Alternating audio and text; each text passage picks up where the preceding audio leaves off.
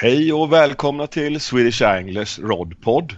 Och eh, ikväll så är det jag, Palle Sköldblom, som sitter här och bredvid mig har jag eh, Christian Ottosson. Och eh, vi har en speciell gäst som vi tänker prata lite sightfiske efter eh, skärsnultra med. Nej, jag skojar bara. Vi har eh, karpkungen här, Birger Holmqvist. Välkommen! Tack så mycket!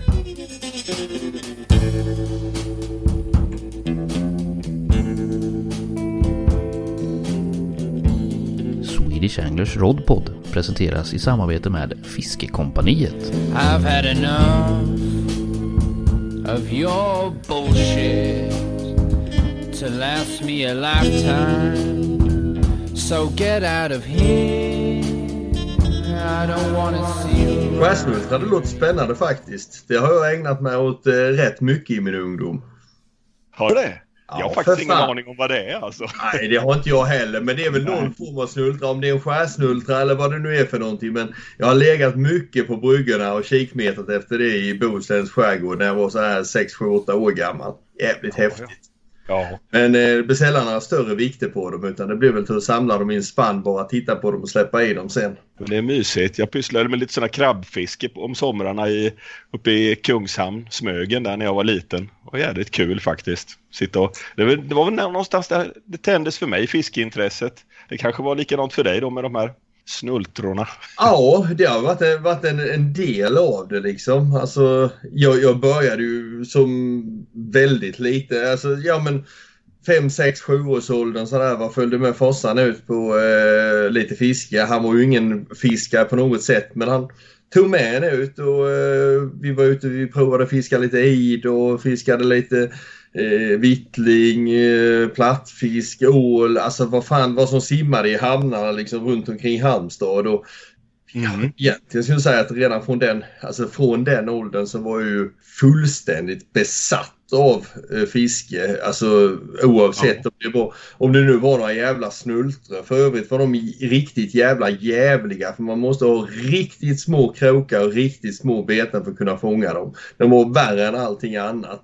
Men i alla fall hitta Mm. lösningar då på att fånga sådana eller om det var en mört, abborre, smörbult eller eh, ja vad fan det nu kunde vara för någonting liksom. Allting var precis lika roligt och det hänger nog i fortfarande egentligen. Alltså, nu är jag helt insnöad på karp och det är bara det som gäller men egentligen så är det ju inte så utan skulle du ta bort karpen då skulle jag fiska efter precis vad fasen som helst. Alltså gå med eh, ett litet spö och fiska bäcköring, en liten bäck eller spinnfiska gädda i skärgården eller bottenmeta plattfisk på kusten eller alltså egentligen vad som Men så länge jag får fiska så är jag nöjd. Så har det nog alltid varit. Började då på västkusten i, i saltvatten och sen eh, lite vidare in i, vad, vad är det för, är det sjöar och grejer och åar? Ja, nej, alltså, där? Jag skulle nog säga det, det, var, det var ju, eh, ja alltså Nissan är ju, det är ju ån som rinner genom Halmstad. Så det är ju, det är ju sötvatten. Därifrån då med det utgångspunkt och sen blir det ju då hamnarna och havet utanför då liksom. Så att första fisket var nog egentligen mer liksom i, ja, i sötvatten. Främst var det ju eh, Främst var det ju id. Eh, id, mört, allting. Och så en handlina med en krok liksom. Det, det, var, det var allt vi hade. En spolelina, en krok och sen så gick vi på land och så letade vi efter eh, ja, alltså eh, skalbaggar, eh, fjärilslarver, eh, maskar, tusenfotingar. Precis vad för, alltså vad för skit som helst man, man kunde hitta innan vi då kom på att det var enklare att köpa en limpa bröd liksom och sätta på det här. Men då hittade Ja. man dem, satte dem på kroken, sänkte ner och slog och kikade där va. Och, det var jävligt häftigt. De var ju stora. De var ju ruskigt, ruskigt stora då. Alltså, säg att de kanske snittade 1 till ett och ett halvt kilo men alltså det var ju så, det var så enormt så att eh, ja, det gick inte att föreställa sig. Och sen lyckades jag då övertyga farsan om att eh, någon gång emellan och säga att fan kan vi inte göra något kul men om vi tar dem i en spann och sticker upp och tömmer dem i fontänen på torget. Va? Och, Ja, det var, han tyckte det var rätt kul också så att det hände ju ibland att vi tog cyklarna, cyklade dit och släppte dem där. Det var rätt, det var rätt skoj. Så eh, ja, alltså det var så allting började. Ja. Sen, sen vet jag inte vad det var men han läste ju ganska mycket för mig. Alltså han hade eh, Sportfiskaren, eh, Svenskt Fiske, Fiskejournalen, de här tidningarna av någon jäkla anledning, han var inte särskilt fiskeintresserad, men han brukade läsa högt för mig alltså när jag var liten. Och eh, jag vet ju då att eh, det som jag tyckte var absolut mest spännande att höra om redan när jag var kanske 7, 8, 9 år gammal. Det var ju om specimenfiske, karpfiske, Louis Rasmussen, Don Dellefjord, Per Torstensson, Rune Karlsson, alla de här antingen när de, när de då eh, specimenfiskade eller efter någonting eller framförallt då fiskade efter karp. Det var ju skithäftigt. Men det var ju ingenting som man skulle någonsin skulle få uppleva utan det var ju bara en, ja, det var ju bara en dröm. Det häftigaste var nog att se att de hade liksom flera spön som var likadana och lite sådär. Va? Så det här klassiska uppsättningen, det, det gick jag igång på och tyckte det var jävligt fräckt och jävligt häftigt och så men det tog många år innan man provade sen. Men eh, hur tog du nästa kliv därifrån? Eh, det här, får du in på specimenfisket en sväng eller börjar du tävlingsfiska eller vad? Hur kom du vidare mot karpen? Man säger det, det första steget det var nog provat prova tävlingsfiske någon gång men insåg ju liksom det här att fan det, det, här blev ju inget, fan vi hade inte ens bil, ingenting va överhuvudtaget utan vi skulle ta oss fram på cykel så det blev ju ingenting med det så att jag metade mycket, jag fiskade mycket öring, jag började till och med flugfiska en del, alltså fiska lax, gjorde alla möjliga konstiga saker däremellan. Men sen i 15-årsåldern då träffade vi några killar då från Eskilaken. Vi visste ju inte, vi trodde ju knappt inte det fanns några specimenfiskare i Halland och det gjorde det väl inte heller men det var några mm. stycken. Då hakade vi på där och eh, då blev det ju liksom, ja, mer, mer seriöst specimenfiske så att det var väl egentligen det vi gjorde under fem års tid där alltså. Brax, sutare, mört, id, färna, ål. Ja, allting som gick att fiska egentligen på relativt nära håll eller när man kunde haka på och eh, åka med någon någonstans. Och sen ja. då slu slutligen så eh, mycket motvilligt så eh, följde jag med ut och provade och eh, fiska karp då en gång. Eh, jag skulle fylla 20. Ja. Och sen efter det så var det fan med kört alltså. Jag, jag vet inte, redan, redan efter första efter första dygnet där ute i skogen över Vittsjön så var det förmodligen kört. Även om jag inte fattade för långt mycket senare så var det, det, var det klippt. ja, ja. Vilka åkte du ut med då det passet? Kommer Nej, det var, jag, det var jag och Agard som ja. eh, Anders Agarsson. Vi visste ju absolut ingenting om karpfiske så att vi hade ju liksom ingen direkt då eh, eh, lära oss någonting. Om vi snackar lite med Rickard och Poa då som hade Ultimate Fishing Equipment i eh, Traryd, eh, mm. bruk där. Och eh, alltså fick väl väldigt enkelt grunderna liksom att så här, ja det här ska ni ha, det här ska ni göra och sen så eh, gör sådär va. Och eh, vi var väl rätt osäkra men på något jävla sätt så lyckades vi fånga varsin kapp. Samma kapp för övrigt. Han fick den i början på veckan, jag fick den i slutet på veckan. Det var ah. bättre än så var det inte men vi fick varsin 6 kilos i alla fall och, och det räckte till för att vara helt, bli helt såld på det. Ja. Ja, det, det är rätt sjukt. nu, det är 25 år i sommar är det, sen vi gjorde första passet och jag känner mig precis lika Alltså jag är precis lika exalterad varenda jävla gång jag ska ut nu liksom. Det, ja ja, blivit, det har blivit några nätter på spöna men ändå så eh, lika häftigt alltid. ja. ja, det är sjukt mycket vad du fiskar alltså och vad du har rest runt i hela världen och, och fiskat. Har du något sånt där, det här är min eh, favoritkarpsjö i Sverige? I Sverige? Jag vet inte. Alltså måste jag välja en? Det, det är så jävla lustigt. Det blir nog Lilla ja. Kärrby sjö. Och jag fiskar ju, alltså det är ju en sjö, jag fiskar ju absolut aldrig där överhuvudtaget nästan. Jag kanske lägger fyra till fem nätter om året där. Ja. Max. Men eh, det har blivit så, jag har faktiskt sagt det till mig själv att genom att göra så, jag kommer aldrig tröttna på den. Kommer nej, aldrig nej. tröttna på Lilla Kävesjö någonsin i hela mitt liv för jag kommer aldrig fiska sönder den. Jag kommer aldrig liksom känna det att nej, nu har jag snart fångat varenda jävla fisk som är värd att fånga där så att det, det, är inget, det är inte lönt att bry sig. Utan jag bara, ja, det är något pass på våren och kanske ett par pass på hösten och ja, sen så får det vara bra. Så att den, den håller jag nog som min favoritsjö nummer ett ändå liksom. Ja, ja. Jag har aldrig varit där. Jag måste åka dit och fiska någon gång alltså.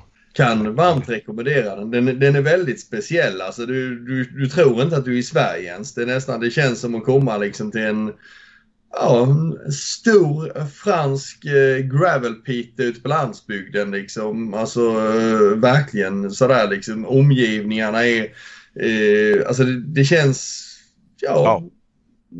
Det, det känns kappigt. Det känns jävligt kappigt. Ofta, antingen så är det glasklart vatten kan det vara eller så blir det så här grågrönt eh, nästan på eh, sommaren. Liksom lite algblomning och lite så här va. Och, Ja. Eh, Fiskar, mycket fina fiskar. Jävligt Ja. mycket fina fiskar som fortfarande växer bra där. Och för de som lyssnar kan vi ju säga att det är ju, det är ingen stängd sjö utan man har ju möjlighet att fiska där om man blir medlem i Svenska Karpklubben. Ja, Det är väl så det är va? till, till och med så eh, om man vill chansa, det går att åka ner och köpa ett eh, årskort där nere också. Eh, alltså det är bara att gå till liksom till ja, Gula huset jämte sjön så säljer de även årskort där. Men det brukar vara så här att de eh, har ganska begränsat med kort där och vill behålla ganska begränsat med kort så att ofta är de här årskorten slut eh, väldigt tidigt så det är mycket enklare att bli medlem i Karpklubben och priset är ungefär detsamma så det är skitsamma liksom. Ja. Det finns inga dagskort eller någonting sånt utan det Så gött! Du, jag sticker emellan med en liten fråga här. Om, man ska åka ut och, om du ska åka ut och fiska och du ska äta något riktigt gott, Birger. Vad eh, skulle du rekommendera då? Vad lagar du till på ditt stormkök? Fy ska- den, den, frågan, den frågan ska du inte ställa till en som både är kock och dessutom jobbar med mat alltid. Alltså jag är ju, jag är ju världens absolut tråkigaste när det kommer till mat. När jag ska ut och fiska själv, då vill jag ha limpa bröd, färdigskivad, Okej. ost, skinka, eh, gärna då någon sån här pastasås med lite vitlök. Den kan jag ha och eh, pensla lite i brödskivorna så jag kan göra en dubbelmacka och steka. Och den ska inte göra sina jävla rich monkey järn utan då ska den stekas i mycket smör på bägge sidorna på eh, järnet. Ja, det låter underbart. Ja, eller vanlig wienerkorv med bröd. Så simpelt som möjligt. Däremot om jag åker ut och fiskar ihop med folk och eh, lite polare sådär va. Då eh, har jag ju en förmåga att vilja släpa med mig eh, gärna två sorters entrecote och tre sorters ryggbiff, kyckling, eh, diverse olika korvar, revbensspjäll, alltså balla ur fullständigt. Ta med så mycket mat det bara går. Men snackar vi effektivt fiske då ska man helst inte äta. En kopp nudlar det funkar till och med. Det är ja, si- simpelt. Ja, det är riktigt gott faktiskt. Det- är underskattat. Det ska man underskatta. Där har jag ett litet tips. Jättegod den här knorr, eh, potatismos, lök och bacon i en sån här mugg. Jädrar vad det är gott. Det behövs, Ja, men det låter inte så jävla dumt. nej, det har jag bunkrat upp nu här i fiskeförrådet så det blir mycket sånt. Fyller du på varmvatten och så blir det då som ett pulvermos med lite Bacon och löksmak ja. Och lite baconbitar i och mm, sådana grejer är inte bra med att få reda på för då kommer jag ju på att du kan ju leva på sånt i flera dagar liksom. Behöver man inte, behöver man inte släpa på något onödigt. Det var, Nej, det var väl den vi åt i Casual, Palle? ja det var det. Det var det. Det var, det var där vi kryssade på. upptäckte denna delikatess. Ja, Sen efter det faktiskt. har man ätit den varje gång man är iväg. Jag har eh, en förmåga att kunna gilla sådana saker för jag har en väldigt kluven jag har en väldigt kluven inställning till vad det gäller prylar. Jag älskar prylar och fiskeprylar och så här var allt runt omkring. Samtidigt så hatar de över allt annat. För jag vill ha så lite grejer som möjligt med. Alltså, jag vill inte hålla på och åsa på grejer. Det är det absolut värsta jag vet. Så att jag är som en åsna mellan två hötappar. Antingen så tar jag då hela bilen full liksom som en lite lätt ombyggd husbil och kan ha med mig 17 spön, två sängar, tre bibier och så precis allting ut. Eller så är det liksom eh, ryggsäck med bibit fastspänt på och så en eh, liten spöbag då och en eh, säng så att man kan gå liksom ett par kilometer genom skogen utan att eh, ja, behöva gå två gånger eller någonting sånt. Det är helst så jag fiskar med att få välja. Då är det perfekt att kunna ta med sig en sån burk och så tappa i lite sjövatten bara och så Ja. värma upp det. Ja, det där tror jag både Krille och jag kan instämma på. Vi är också sådana här som vill banta vår utrustning men sen ibland så bara växer det. Ja, det gör, det gör ju Konstigt det. är det. Ja, Sen får jag ofta klagomål. Alltså Niklas Oskarsson han har ju opponerat sig jävligt mycket. Men han tycker inte om när det, alltså, när det lever i eh, grytan. När man kokar upp vattnet. När du ser att det simmar massa saker där. Det har han lite ont om. Men jag Är tycker, han vad fan- känslig mot sånt? Åh, Alltså de, de dör ju när de kommer upp i rätt temperatur. Så de är ju ändå döda när man äter det. Ja, ja. Jag vet inte vad det är. Vad, kan det vara grodyngel eller mygglarv eller vad det nu kan vara. Extra protein. Blir- Ja, du mätt längre? Ja, jag kommer ihåg när jag var i Henrikstorpssjön första gången jag fiskade karp någon gång på 80-talet. Då eh, hade vi heller inget vatten så då fick vi ta ur den här Henrikstorpssjön och då tittade man på det, det bara rörde sig hela grytan. Ja, fruktansvärt men De kan ju inte simma muset när det är färdigt. nej, det är bara att äta. Det, det är hur lugnt som helst. Extra proteiner. Ja, för fasen. Ja, Det skadar nog inte. nej, nej. Grille, du hade lite frågor. Vi, vi pratade lite om det med svenska, svenskt fiske, svenskt karpfiske. Det gjorde vi ju. Men jag, innan vi springer vidare där så Ja, jag måste få veta lite kring den här boken. Du skrev ju en bok Birger. Var kommer intresset från, alltså just att göra en bok? Var kom den idén ifrån? Jag vet inte. Eller jo, alltså, eller nej det vet jag egentligen inte. Jag var tvungen att fråga min fru för det första. Hur länge har jag hållit på att snacka om den här boken? Och vi har väl kommit fram till att eh, i dagsläget så är det nog minst 15 år sedan jag nämnde det för första gången. Att, och jag tror att det var så här att jag satt och pillade med min dator och städade i massa dokument och bilder och grejer eh, så här liksom och eh, konstaterat för fan jag har ju för fasen material här så jag skulle kunna skriva en eh, hel bok alltså.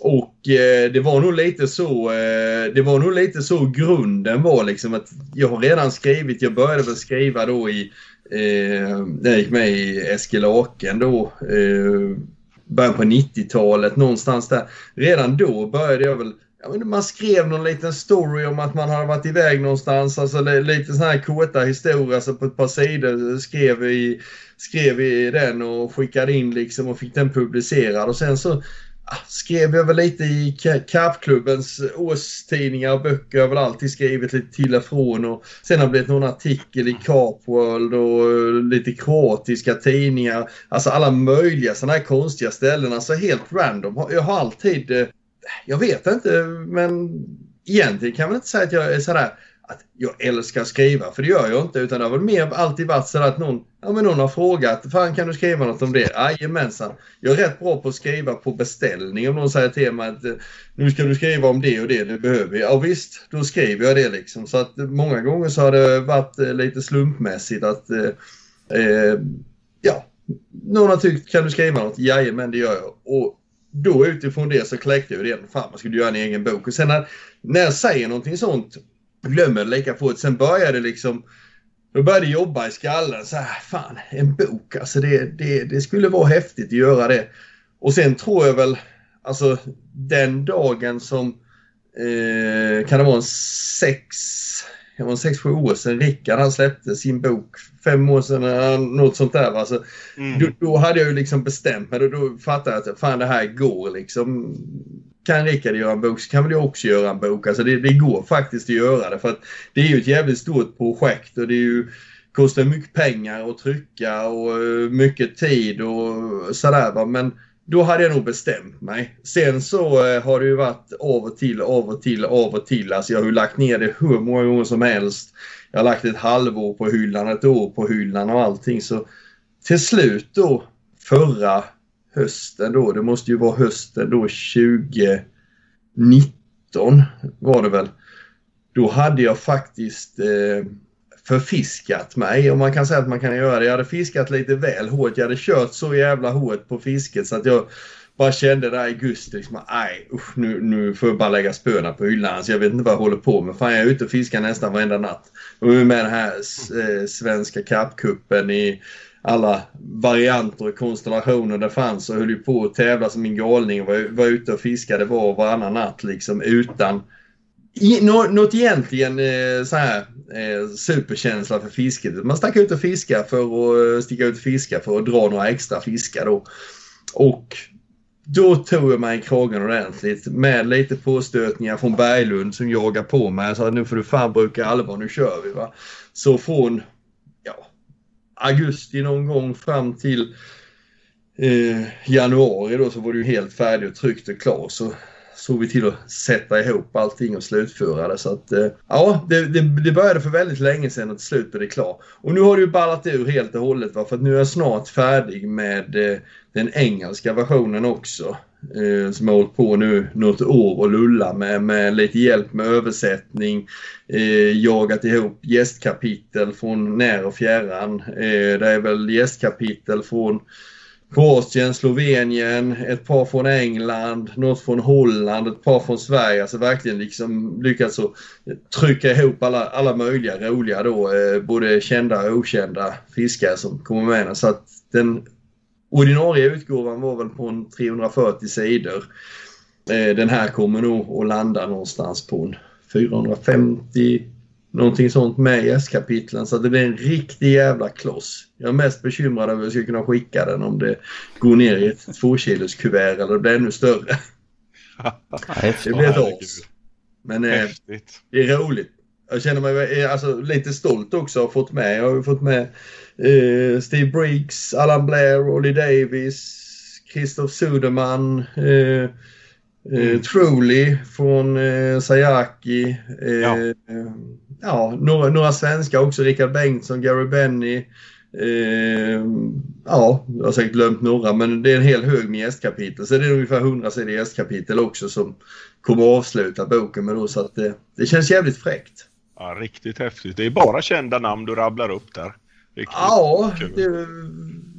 det är det ju faktiskt. Eh, det är det. det är, Ja, skulle jag nog vilja säga att många av de här killarna som har tagit med det, det är sådana som jag känner också. Fan, det där är ju sådana som verkligen är eh, förebilder för en själv liksom. Och eh, alltså, ja. Som, ja. Li, li, lite, samma, lite samma intresse och samma dårskap som en själv liksom. Ja, ja. Så det, det känns jävligt häftigt. Bra bredd, bra blandning på det också liksom. Otroligt stor variation i, grejerna liksom. Det, det känns skithäftigt. Så att vi är inne på slutklämmen där nu. Förhoppningsvis så kan jag börja och korrekturläsa på riktigt eh, om en vecka eller två och sen så kanske vi går i tryck med den eh, ja, någon i april. Det är inte omöjligt alls. Alltså det är raska tag alltså. Så den, ja, eh, den kan man köpa framåt maj Ja, någonting sånt. April, maj någonstans där jag skulle nog tro att realistiskt skulle kunna tänka mig att det eh, blir det ju maj. Men det blir ju som sagt på engelska. Det finns gott om eh, eh, böcker kvar för den som vill ha en svensk också. Det är liksom ja, vi, vi tog i så vi sket ner oss. Tänkte det, det är liksom inte lönt att hålla på och tramsa. Jag ska behöva göra upp igen. Så det finns böcker kvar liksom. Det är inga problem alls. Ja, det är kul. Det känns kul. Det är, egentligen kan jag säga, det är jättekul att folk vill köpa den. Jag är skittacksam för det. Men ska jag vara helt ärlig, jag har gjort den till 100% för mig själv. Det är mitt eget fotoalbum med text och bilder. Krascha datorerna ihop, eh, tappa minnet, eh, alltså alla bilder försvinner, allting. Ja, då har jag liksom allting samlat på ett och samma ställe. Så att, eh, ja, kan sitta och bläddra där och vara nöjd och känna att för fan, det där gjorde jag bra liksom. Sen ja. blir man ju aldrig rik på att göra en bok men jag är jävligt klar i alla fall att jag har nått plus minus noll och det, gör man det så får det ju vara en... Eh, alltså då är det ju fantastiskt. Det är riktigt bra är det, verkligen. Ja, det, det är skitkul. Och boken är jäkligt bra med så. Det, tack alltså. Absolut. det, det har jag svårt att bedöma, det är alltid svårt att se det utifrån sitt eget men den är i alla fall fin att titta på, tjock och rejäl och sådär så att det känns jävligt bra. Ja, den är rejäl. Men den är, ja, har man inte läst den så rekommenderar jag verkligen. Det måste jag säga. Jag tycker den är riktigt bra. Jag tackar så mycket för det. Jaha, eh, sen det här med SPM. När du dök på det, vi snuddade lite vid det, men hur kom det sig att du gav dig in på det här? Boilie-projekt och betestillverkning och... Det är ju lite, alltså det, det, egentligen är det lite knäppt för att eh, anledningen att jag eh, började fiska med SPM överhuvudtaget, det var ju faktiskt att eh, jag lovade mig själv att aldrig någonsin i mer i hela mitt liv att rulla en boilie. Det var det sista jag sa. Jag hade fiskat jag fiskade med mainline i väldigt många år och eh, jag rullade ju alla beten åt eh, Rickard på Sportfiskcenter så att vi, vi körde ju stenhårt och rullade beten varje år åt honom. Mm. Eh, och eh, en vår så då, då var jag helt jävla kaputt alltså. Det var så illa i axlarna så att jag eh, klarade knappt stå och drilla fisk. Jag klarade inte att kasta, jag klarade inte att göra någonting överhuvudtaget. Så är det aldrig mer. Och så ringde jag till Gary och frågade kan du fixa beten färdigrullade till oss? Och eh, absolut, det var inga problem överhuvudtaget så att vi började ju köpa lite grejer av honom. Och eh, sen fiskade jag med det i några år och sen idag så, alltså, ja, ja, vi hade väl pratat om det innan. Alltså jag har väl känt sådär att jag, jag skulle nog gärna vara liksom lite involverad och göra lite mer och så va. Men det har väl aldrig blivit något allvar. Men en dag så kom Gary och frågade då. Han kände väl själv liksom att det var för mycket och eh, var väl inte riktigt så eh, inspirerad och köra det vidare själv liksom. Utan eh, ja, det var lite halvknackigt sådär liksom på alla sätt och vis. Och Eh, jag snackade med Mange då om han var sugen på att haka på för jag kände att jag, jag vill inte bara eh, själv kasta mig in i det utan ska vi eh, börja rulla på riktigt så måste vi vara två. Och eh, jag och Gary vi hade så långt emellan så att skulle vi liksom göra det ordentligt så fan då, då kör vi igång ner i Halmstad och flyttar hela skiten och så, och så rullar vi.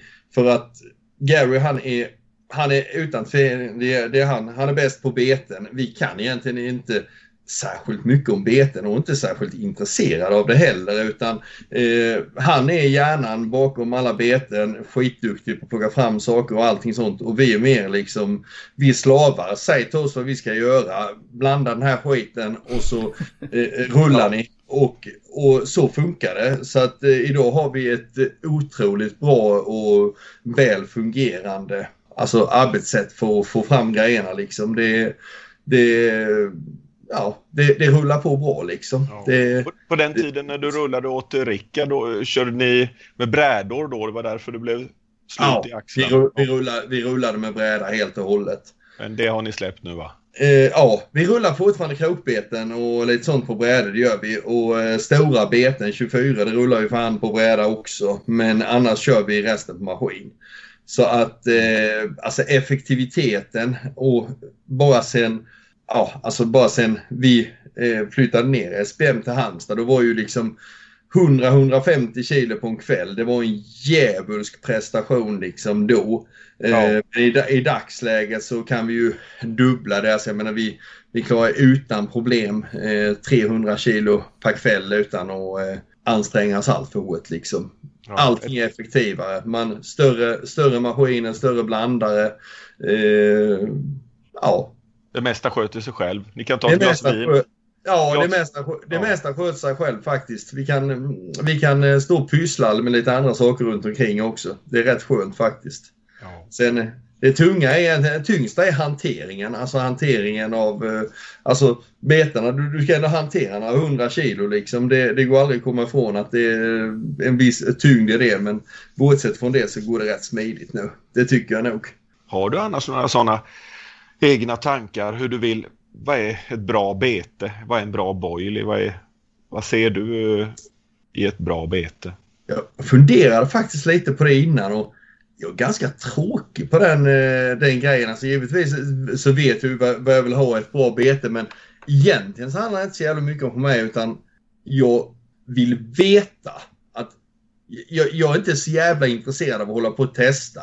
Jag gör det när jag är tvungen till det såklart, testa mycket beten och så men jag vill ha någonting som jag vet att det fångar år efter år efter år efter år efter år liksom och eh, alltså verkligen funka i många olika vatten.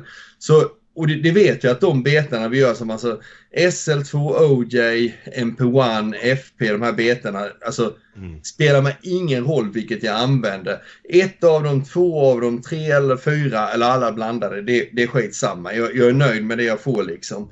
Men om jag inte hade haft tillgång till de här liksom jag skulle gå och välja ett annat bete. Då, då, skulle jag bara gå och...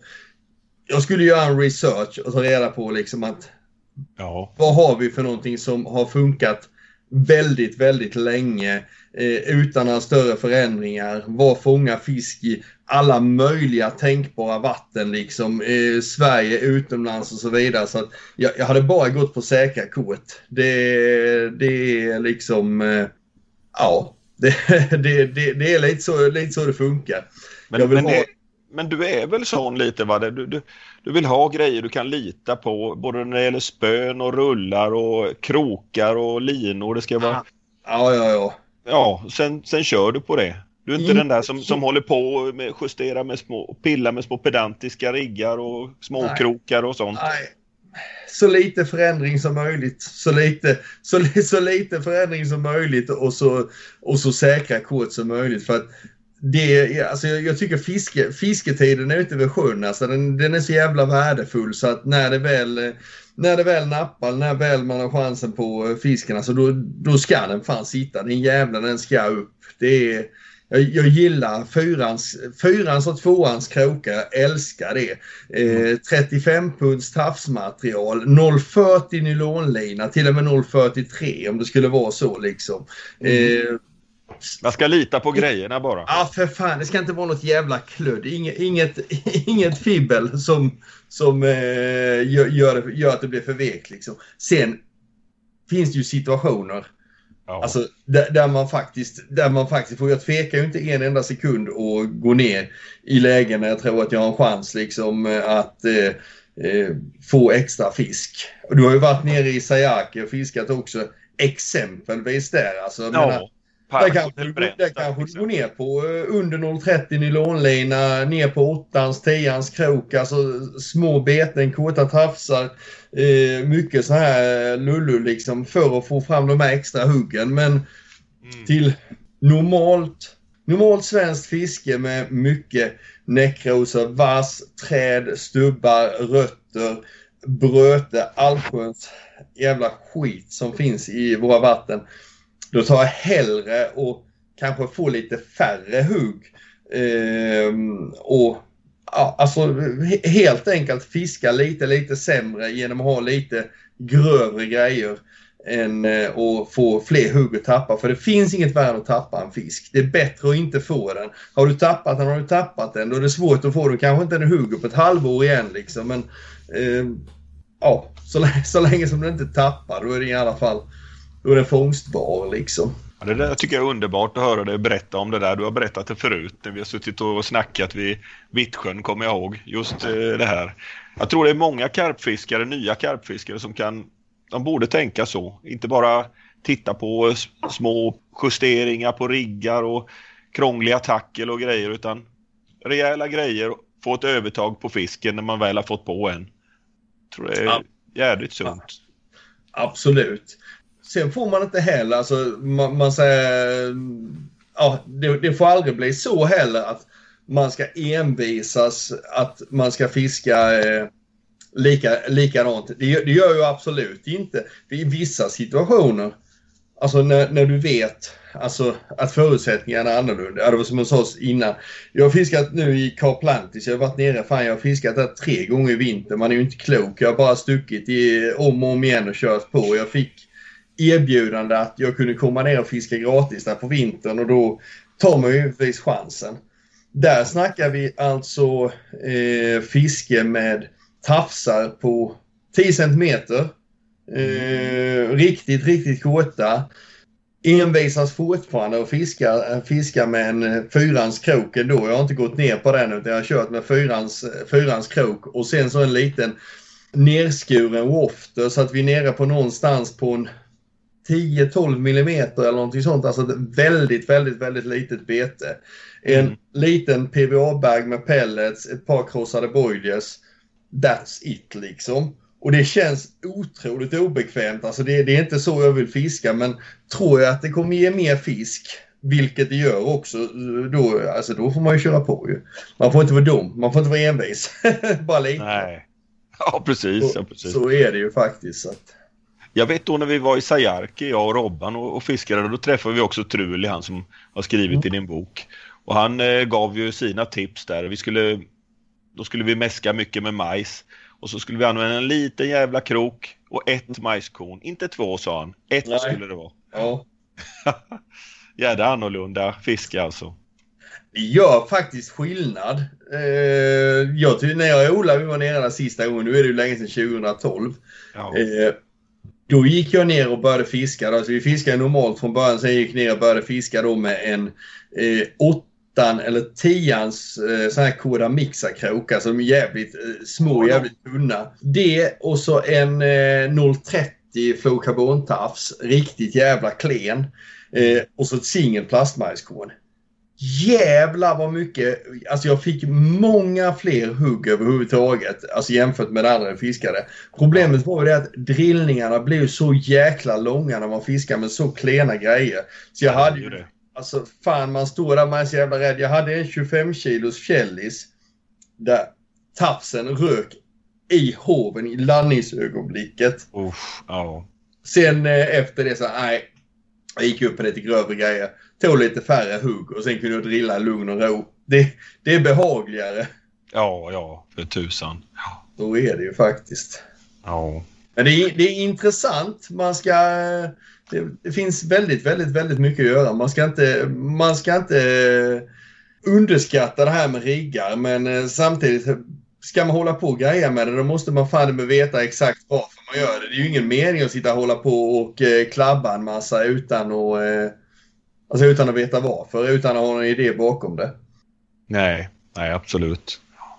Klokt. det, är det. Tänker du att det är enklare och om man säger då, om vi tittar på någon som är ny som skulle börja med karpfisket. Skulle man välja ut två stycken riggar till exempel och hålla sig till dem, testa. Eller för det, det är ju, om man jag tänker bara om man tittar på YouTube eller vad det nu är för något så finns det ju idag finns det ju en rigg för eh, ja väldigt många riggar av olika slag och märken och eh, det och det och det och det. Ja, jag, jag, ty, jag tycker nog absolut alltså det. Mm, två, två riggar, en pop-up-rigg och en bottenbetesrigg. Alltså det räcker ju mer än väl och sen så kör varia, variationer på temat. Eh, jag skulle väl säga som för min del alltså, ja men jag har kanske tre möjligt, alltså tre till fyra olika riggar på sin höjd som, som jag använder mig av. Men kan göra väldigt många varianter, alltså många varianter på det. Alltså längre tafsar, kortare tafsar, större krok, mindre krok eh, och så vidare. Alltså lite fram och tillbaka. Men jag tror det bästa är att lära sig ett, alltså ett par simpla riggar. Alltså, ju enklare de är eh, och ju mindre det kräver att göra dem, ju, ju lättare är det också Alltså hela tiden se till att ha, eh, kunna få igång nya fräscha grejer liksom. Men, så det, det, ska inte, det ska inte vara så att det är, är bökigt att knyta en rigg, att man känner att man drar sig för att knyta en ny rigg liksom för att eh, den är så jävla komplicerad. Men eh, först och främst, det vi absolut aldrig får glömma det är ju det att det funkar ju fortfarande jätte, jätte, jättebra att göra en vanlig enkel knotless knot där du inte har någonting annat än boilien på håret med en hairstop, eh, en krok där du lindar, eh, där du lindar eh, tafsmaterialet upp, ner på skaftet, upp på skaftet, tillbaka. Ingen krympslang, ingen putty, ingen kicker, inte någonting överhuvudtaget. Utan den riggen funkar ju fortfarande alldeles utmärkt i de flesta fall. Liksom. Eh, sen kan man alltid förbättra den lite genom att göra lite småsaker, lite småtricks här och där som känns rätt. Men fortfarande så är det ju, alltså, finns ingen anledning att göra det för komplicerat. Det, det, är, nog, det är nog betydligt viktigare att tänka då på eh, göra rätt, tänka taktiskt, se till att fiska den på rätt ställe liksom. För att det spelar ingen roll vilken jävla rigg du har om den ligger fel eller om den är trasslad. Det är nog fan prioritet nummer ett. Alltså, vad du än fiskar, men den får ju aldrig vara trasslad. Det får ju aldrig, och givetvis kroken måste vara sylvass och den ska hålla liksom. Det är Mm. det, är det som, sen exakt vad det är för rigg, det vet inte fan, det spelar så stor roll. Det, det är nog, det är bättre att lära sig något enkelt. Ja, att trasselfritt det är nog det viktigaste, det kan jag hålla med om. Fy tusan. Du får ju ingenting, men alltså, jag menar, har Nej. en trasslar så kommer du aldrig få någonting. Nej, det är många, många som eh, när de vevar in också så, så, så oj, ja, det trasslade sig nog på invävningen. Det tror jag inte ett skit på. Den var trasslad från början. Det är precis exakt tvärtom. Jag, jag såg någon där de hade filmat. Det är en otroligt viktig grej som jag inte ens har tänkt på att ta upp, men just det här med att bromsa kastet, fjädra ner den så att du känner hur riggen sjunker ner till botten. Alltså du, den sjunker på spänd lina. Sen om du gör det med fingret eller du gör det genom att klippa upp det, skitsamma. Du måste göra det. Eh, det var, eh, jag undrar om det var eh, Rob Pukes som hade eh, filmat eller fotat just det här med att när du, låg, när du kastar ut det och låter riggen falla död ner till botten då liksom på en slack lina. Mm. Då landar den ju väldigt ofta trasslad. Och faktum är att ungefär hälften av gångerna den trasslar inte sig mer när du vevar in den utan den rätar snarare upp sig. Så du, du blir lurad. Du tror att eh, du tror kanske att du har haft en rigg som har fiskat men har legat i en stor jävla hög och en härva så sträcker du snarare upp den och vevar in den. Så att eh, det får inte hända. Ja, Man ska följa försöka följa riggen med blicken hela vägen ut och sen så fjädra ner det så att det sjunker ner liksom. Dessutom då så får man ju möjlighet att känna nedslaget också så att man vet att man landar på en fin och trevlig botten liksom. Det kan vi vara överens om Palle. Ja, det kan vi vara. En, en trasslad rigg den fångar fan ingenting. Nej, så är det. Jaha, ska vi lämna riggträsket? Jag tycker vi... det. Det är rätt ja. ja så det spännande är det inte. Nej, det är det inte fundera på, vi har funderat lite på det här med vad du tänker om svensk karpfiske och framtiden och de typer av vatten vi har i Sverige. Ska vi, har vi för mycket fisk? Har vi för lite fisk? Och, och lite det här. Jag tycker vi har fantastisk karpfisk i Sverige. Jag tycker vi, alltså... jag tycker det är helt makalöst otroligt. Jag satt och funderade på det innan. Alltså, jag har ju fiskat jättemycket utomlands och alla tror att det är kanske det är det jag brinner för absolut mest. Alltså det är helt och hållet fel. Jag brinner absolut mest för svensk kraftfiske. Jag tycker det är så fantastiskt det fisket vi har här. Och det som är grejen är att man måste se varje, varje vatten för vad det är. Alltså i Sverige så är det ju så att menar, åka ut och fiska en helg, fånga en eller två eller kanske tre fiskar eller någonting sånt. Ja men det är ju wow. Det är ju, det är ju skitbra resultat i Sverige. Vad fan, det ska vi vara nöjda med. Vi ska inte jämföra det med, med utlandsfiske. Och sam, samma sak, alltså medan en 12 kilos i Sverige, det är ju en stor fisk. En 10 kilos, 12 kilos, det är ju en stor fisk i Sverige. va. Man, man får sätta allting i relation liksom till vad varje enskild sjö kan prestera. Tycker jag. Det, det, det tycker jag är viktigt. Alltså, finns det toppar på 14 kilo i sjön, alltså, då är ju en 12 en bra fisk. liksom. Finns det toppar på 25 kilo i sjön, ja då kanske inte 12 är så jävla bra fisk, men fortfarande är det en fin fisk. Alltså jag, jag gillar svensk kappfiske. Jag tycker att alltså, vi har ver verkligen en ljus framtid eh, framför oss.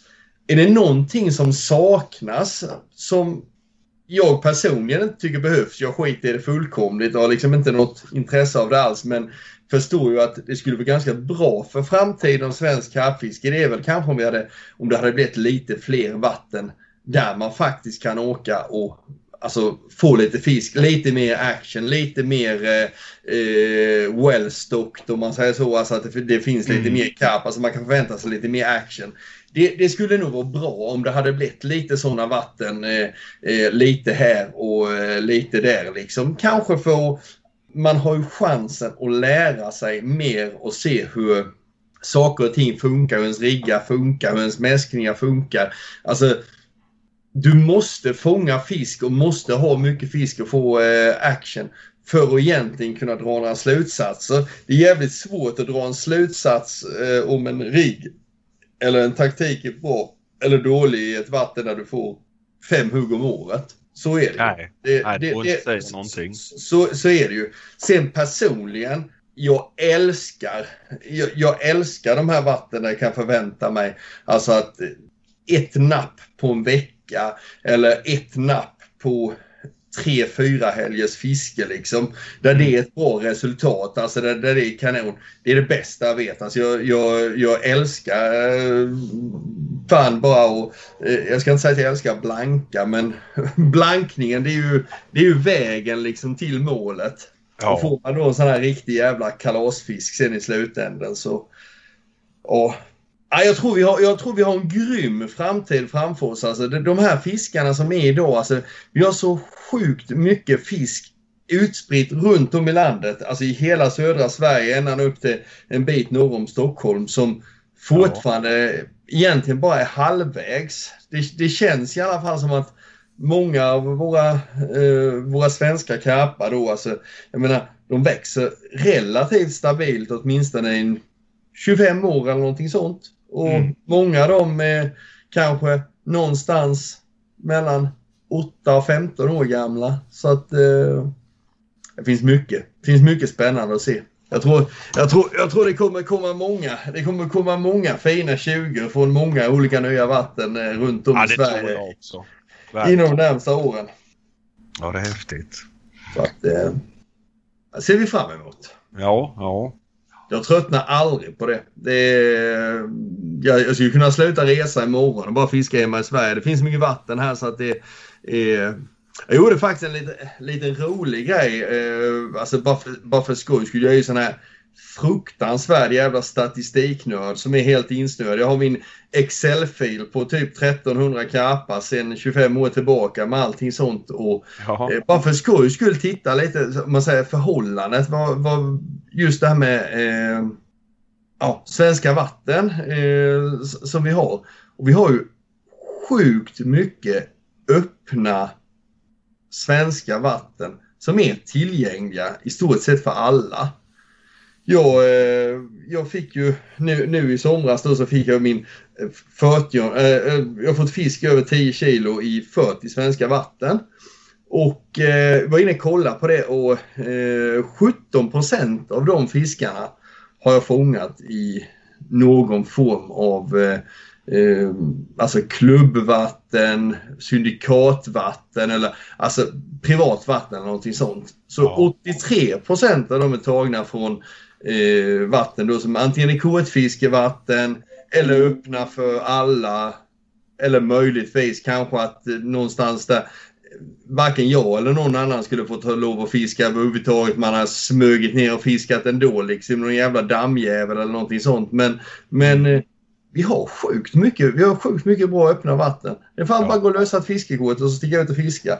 Det finns så jävla mycket stora fiskar överallt liksom. Bara man är, är beredd att ja, men, offra lite tid och energi på det. Mm. Men, ja, verkligen.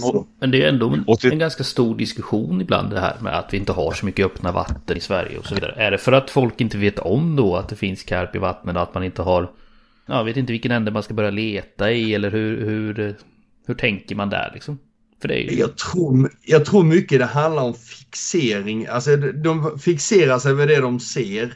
Alltså nu, nu, nu, bara, nu bara tar jag det här ur luften. Alltså det är mina egna reflektioner. Liksom. Jag tror det är väldigt lätt att stirra sig blind på att eh, Stubbetorpssjön, Stora Karpa, Syndikat, Tegelbruksdammen, Stora Karpa, Klubbvatten eh, och så vidare. Sen glömmer man allt det andra liksom. Mm. Alltså, jag skulle nog vilja säga att alltså, gissningsvis, alltså, alltså det finns ju säkert ett par hundra, alltså nu, nu har inte jag eh, koll på allt, men det skulle inte förvåna om det finns ju säkert långt över hundra eh, öppna, eh, fria eller eh, kortvatten med fisk över 10 kilo, alltså bara i södra Sverige liksom. Alltså det, det finns ju säkert mer, alltså det, det finns ju precis hur mycket öppna vatten som helst. De flesta vatten är ju öppna, de flesta vatten är ju kortvatten liksom. Så att eh, jag undrar om inte det är ibland att man bara fixerar sig vid att man istället för att titta på vad som finns så tittar man på vad, vad som inte finns. Vad jag inte kan komma åt. Det, det man hakar upp sig på den liksom. Ja. ja. Jag tror man hakar upp sig på det här faktiskt. Jag, jag, tror, jag tror det med man hakar upp sig. För många så är ju fisket och karpfiske så här. Det, det är jävligt lätt att det handlar om att kortaste vägen till att fånga en riktigt stor fisk. Ja, ja det, så tror jag också det. Ja men, ja men så är det liksom. Åka och fiska i ett vatten. Jag vill åka någonstans. Innan var det, för, för många år sedan så var det 10 kilos. Det var liksom drömgränsen. Nu är det, sen var det 15 kilos. Nu är det liksom 20 kilos. Det är det som lätt blir att det är det som räknas liksom. Och då tittar han på det att, ja men så är det. Och det är stängt och där får inte jag vara med. Och då tycker man att fan det finns inga, det finns inga öppna vatten. Ja, då, är det, då är det liksom inte värt att leta mer sen. det, det, är nog, det är nog lite Mm. så. så att det, finns, det finns sjukt mycket öppna, det finns sjukt mycket eh, öppna vatten med, alltså med stora fiskar. Jag satt och lyssnade på, eh, lyssnade på er podd, eh, var det med Göran Nilsson och... Eh, Ja, Ja, ja. men Johnny Ja, och Göran. Johnny. Ja. Johnny och precis. Göran, ja. Ja, precis, precis. Och Jag tänkte på det just bara. Lönsbodaområdet, det, det ligger det är en timme härifrån liksom. Mm. Det är ju för fan, det är ju fjällisar på 15 till 18 kilo liksom i precis varenda jäkla sjö där ute. Och de som fiskas är ju kanske de som är kända. Det är Hjärtasjön och det är Solgyllet och det är Abborrasjön och de här som, alltså som, Ja. som alla hör och alla vet alltså. Hur många vatten finns det till runt omkring som kanske bara en eller två snubbar sitter och fiskar i. Eh, där det kanske är ännu större fisk eller ja, alltså vem, vem fasen vet? Ja. Fan. ja, det finns riktigt mycket. Ja, det, det finns mycket. Det, det, fin- det, finns, det finns mycket. Sen är det ju ingen nackdel om det blir fler. Det är ja, med fler vatten ändå ju. Men Men där, där har vi stött på ett litet problem nu. Eh, Den här myndigheten HaV har ju kommit med något eh, förslag där de vill förbjuda inplantering av karp, bland annat då i vatten där det inte finns karp tidigare. Är du insatt lite? Har du läst på det där eh, remissförslaget Ja. från HaV? jag har läst det och jag har diskuterat det ganska mycket med ja, jag och Jonas. Vi har snackat lite om det också i Arneboda och eh, Sova. Och, alltså, det är ju det är skittråkigt att de kommer med sådana förslag. Eh, framförallt också när, när det är liksom att det inte finns någon riktig verklighetsförankring i eh, förslaget liksom utan det, ah, man går lite på känn liksom. På något sätt så är ju, alltså Även om inte det här går igenom, vilket jag inte tror att det kommer göra. Jag tror att det kommer fortsätta som det har gjort tidigare. Det är nog inga konstigheter. Alltså, Mm. det sprider ju på något sätt, det, alltså det här snacket sprider ju osäkerhet på karp då eh, till vattenägare runt om i landet och så vidare. Och så vidare. Det är så lätt att snappa upp liksom att karp det är nog inget bra. Nej, sådana ska vi inte ha. Va? Så att oavsett hur det slutar eh, så är det ju inget bra att ta de här diskussionerna.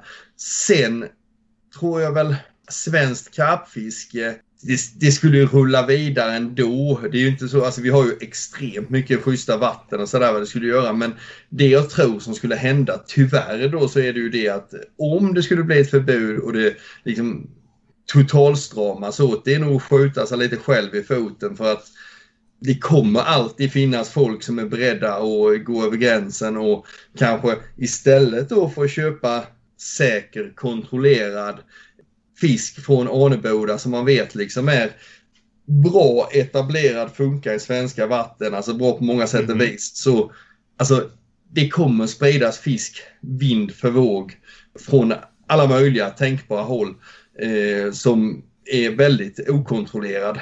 I synnerhet, alltså det, för i förlängningen kommer det bli att eh, skulle detta ske så skulle ju Arneboda definitivt, jag säger inte att de skulle lägga ner det, men de skulle förmodligen åtminstone helt och hållet sluta med eh, odling av spegelkarp. Det finns, Ja. ingen mening, det finns ju ingen mening med att göra det om, den, om det inte finns någonstans att sälja den. Nej, nej precis. Ja. Så att eh, jag, jag tror att eh, jag tror bara att det är dumheter att genomföra ett sånt förbud. Alltså det skulle, det skulle bara skapa det skulle bara skapa bekymmer. Låt Ja. det vara som det är. Så jäkla lätt är det inte att få till ett nytt karpvatten ändå. Så jäkla många nya karpvatten är det inte som etableras eh, i vilket fall som helst varje år. Så att, eh, Nej. Men det, kan, det, det, det skulle kunna bli som att det finns ju väldigt mycket sjöar i Sverige där det inte finns dokumenterat karputsättningar. Det är så gamla bestånd. mm, Och då kanske det skulle bli problem att sätta ut fisk i de vattnena. För det finns ingen dokumentation på att det har satts ut karp där tidigare. Men de kanske Nej. har funnits där sedan 1500-talet. precis. Ja. Och det är jag lite Alltså de, rädd för. de flesta svenska vatten som finns ändå. Alltså, jag tror det finns ju ingen som, alltså det finns ju ingenstans där det sitter, där det finns dokumenterat. För jag menar, de flesta svenska vatten där det finns karp är förmodligen inte dokumenterade. Såklart, för att det har väl förmodligen skett dels fler kanske utsättningar som inte har funnits då eh, tillstånd till Eller det ligger så långt bakåt i tiden så att det inte finns någon dokumentation på det eller Ja, no någonting nej. sånt. Va? Än vad det finns eh, som, som är gjorda liksom, eh, i modern tid med eh, Länsstyrelsens eh, godkännande och så vidare. Så att frågan, är hur mycket det finns, frågan är hur mycket det finns dokumenterat egentligen av allt som finns. Ja, ja, det kan man Alltså det är fan det, det, det är ju Frågar man, frågar man eh, Jonas i Arneboda så menar han ju på det att i princip i varenda jävla vattensystem söder om eh, Dalälven Mm. finns det ju mer eller mindre karp i. Alltså du, du kan hitta karp i stort sett i varenda vatten. Och åtminstone här nere kan jag Ja. säga, om man säger Halland, Skåne. Eh, det är ju större chans att du, eh, alltså om du tar vilken jävla random sjö som helst så är det ju större chans att det är karp än att det inte är karp i det. Mm. Lite så är det faktiskt. Så. Ja, Det kanske inte är några större bestånd men de finns där. Ja, Det brukar ju komma det här resonemanget om att vi övergöder vatten genom att mäska. Jag tycker Ja. det är lite... Ja, det är, ja, det är okunskap det där. Ja, alltså det, allting går att dra till sin spets. Alltså det, det, det skulle... Jag tror inte det är mätbart ens. Jag vet, jag, jag har fått svara på de här diskussionerna när någon för många år sedan kom på idén att eh, ja, han hade varit ute och pimplat abborre i Lilla Kärbysjö. En gång hade han varit ute och pimplat på vintern. Och han fick ingen abborre. Det var väl kanske en dålig dag, jag vet inte. Men då eh, gick han ju direkt till den lokala, eh, lokala fiskeklubben och satte sig där tillsammans med styrelsen där att ja, vi måste förbjuda mäskning. Eh, jag fick ingen abborre, det måste vara karparnas fel. Det måste vara eh, de som har mäskat så att abborrarna är borta nu liksom. Mm. Eh, och bara att kasta ur sig en sån sak. Du kan ju fatta alltså, hur, hur, mycket, alltså, hur mycket engagemang, tid och energi jag fick lägga ner på förklara för dem. Att till och med åka ut och fånga abborre med kastnät på våren för att visa här är Ja. massor med abborre. Du gjorde fel. Eh, Alltså, så här va. Alltså, helt sjukt. Så, men, men det är mycket sådana saker det dyker upp. Och där Ja. tycker jag väl det ligger lite, det ligger lite på vårat eh, ansvar som karpfiskare också att eh, man mäskar aldrig. Alltså man, man, man mäskar aldrig som, även om man mäskar som en galning, jag kan mäska som en galning också, men man mäskar aldrig som en galning så, så, så att eh, det syns. Alltså det, det, man, man, man behöver inte liksom stå och tippa, eh, tippa i beten från en båt så att eh, de lokala by, byborna ser det. Liksom, man står och skyfflar i och man behöver inte liksom gå ut och gapa om hur många kilo man öser i vattnet och så vidare. Så vidare. För att även om det inte det gör absolut inte någon skada så, så eh, det väcker ju lite ja, men det väcker ju lite uppmärksamhet och eh, alltså ja men Ja. folk tycker det är konstigt. Alltså, det, det är så liksom. Alltså, många tycker att det är konstigt det här med att mäska och det är det ju kanske också. Ja, va? Så ja, att- vi är ju lite konstiga alltså. vi är lite konstiga. Håll en låg profil liksom. Ja, Det, det, är, det är väl det bästa. Och gör inte så stor grej av det så tror du att det löser sig i slutändan. Det är, mm det, det, är så, det är som allt annat. Lite lagom. Det är också det här med, alltså det finns så mycket sjöar som vi har. Jag, jag tänker, jag bor ju själv vid en, eh, vid en sjö då som, som är en sån här sjö där. Den är ju självklart privat. Egentligen får inte någon lov att fiska där. Eh, någon äger ju fiskerätten men så länge som inte det blir några stora campingar, zigenarläger, party och så vidare och så vidare och så vidare. Så är det ju ingen som bryr sig överhuvudtaget. Nej. Men sen blir det ju alltid så att när någonting blir till slut att det blir lite populärt och det blir lite så här så, så har du ju en förmåga att kunna balla ur lite. Så blir det lite för mycket. Så är det någon som inte kan skilja på vad som är lagom och vad som är mycket och så blir det lite liv och lite kiv och helt plötsligt får man inte fiska längre. Så att det är väl lite samma där. Som man, man håller en låg profil, är glad och check och trevlig med alla man träffar och sen så är det bra liksom. Ja, ja, men det där är viktigt tror jag. Vi måste föregå med gott exempel allihopa, karpfiskare och försöka sköta oss eh, när vi far omkring och fiskar i sjöar. Det är viktigt. som tusan. Ja, Annars- det är A- det är A och O att vi, ja, de ska inte ha något ont att säga om oss. Nej, nej. Det räcker att vi är som vi är. ja. Skäggiga och långhåriga. Ja, ja. Så är det ju. Ja, Men vi var ju inne och snurrade lite kring mäskningen. Men om vi återvänder då. Till, till själva fisket istället. Vi lämnar hav och alla de här grejerna bakom oss. Uh, mäskar vi för lite i Sverige? Frågar du mig, alltså... Eh, ja, jag, jag, jag, jag, skulle nog, jag skulle nog säga att ö, överlag så... Det finns, det finns nog många som hade... Det finns nog många som hade lyckats betydligt bättre om de hade mäskat lite mer. Det, det skulle jag absolut tro. Och då menar jag framförallt med de förutsättningarna som vi har i Sverige. Det är ju det att vi har ju faktiskt väldigt, väldigt lågt fisketryck i många, eh, alltså i många av våra öppna vatten. Alltså det, det, är ju, det är ju relativt lite folk som fiskar i våra sjöar. Och genom att kunna förmäska lite på platser som kanske inte folk använder sig av så ofta och sådär liksom som inte är så jävla populära. Genom att förmäska lite diskret där innan eh, under kanske en vecka eller två eller kanske ännu längre så tror jag att väldigt många skulle kunna få ett mycket bättre fiske. Eh, fånga mer fisk helt enkelt på betydligt mindre eh, fiskeinsats än vad man gör idag. Eh, jag är själv jag är själv väldigt, väldigt, väldigt glad för att förmäska. Det, det är nästan så att jag, alltså, jag har nästan svårt att åka ut och fiska i Sverige utan att ha eh, mäskat någon, någonting innan. Utan jag, jag, jag gillar det liksom. Nu, nu har vi ju en eh, boilertillverkning och sådana här saker så det är klart att det underlättar. Eh, men eh, även om jag inte hade haft det så hade jag nog eh, satsat ganska mycket på att eh, eh förmäska. Jag har alltid gjort det för att många gånger så ger det resultat. En kombination. Förmäskning är inte allt, men kombinationen av mäskning, rätt väder, rätt förhållande i övrigt. Det kan vara helt jävla oslagbart. Hur kan det se ut ett, en förmäskning av Birger Holmqvist i en svensk sjö så här? Det finns lite karp i den och, men ingen fiskar. Och, hur kan det se ut? Åker du ut? Eh, när mäskar du? Hur mycket mäskar du? Vad mäskar du med?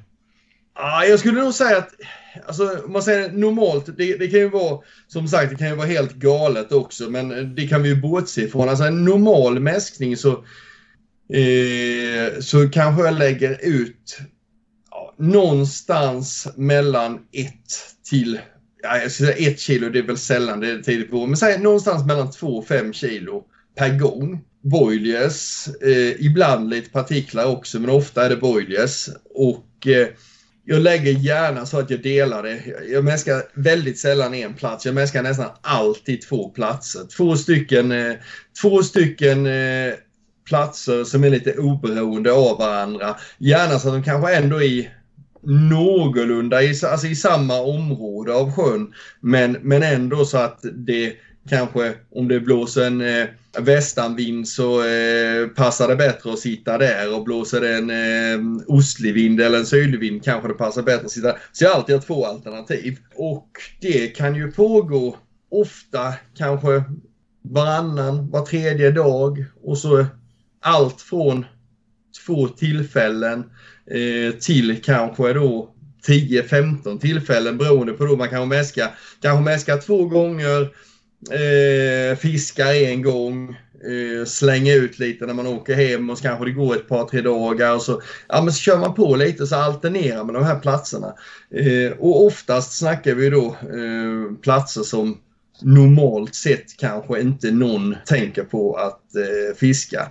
Eh, ett jäkligt bra knep det är ju att mäska platser som inte finns. Det är ju det absolut bästa. För att hur man än vänder och vrider på det så är det jävligt jobbigt eh, att eh, när man väl kommer ner så sitter någon jävel och fiskar precis där man har tänkt sig. Så det bästa är det. Mäska en plats som inte finns eh, överhuvudtaget och sen så den dagen det väl är dags att fiska där så tar du bara vadarbyxorna och bara springer rätt ut genom vassen eller ut genom snåren eller vad fan det nu är för någonting. Sätta ut banksticken några meter ut i vattnet så man har det och så får man eh, sitta där en bit upp och så kasta sig ut genom buskarna när det väl hugger. Funkar så jävla bra.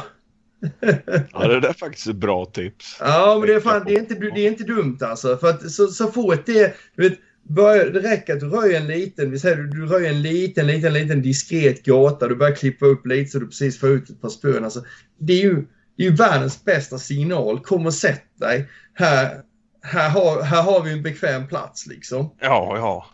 Förmäskat och klart. Ja, precis, precis. Jag tror det kan vara bra att fiska karpen på platser där de inte fiskas i vanliga fall också. Jag tror att de är...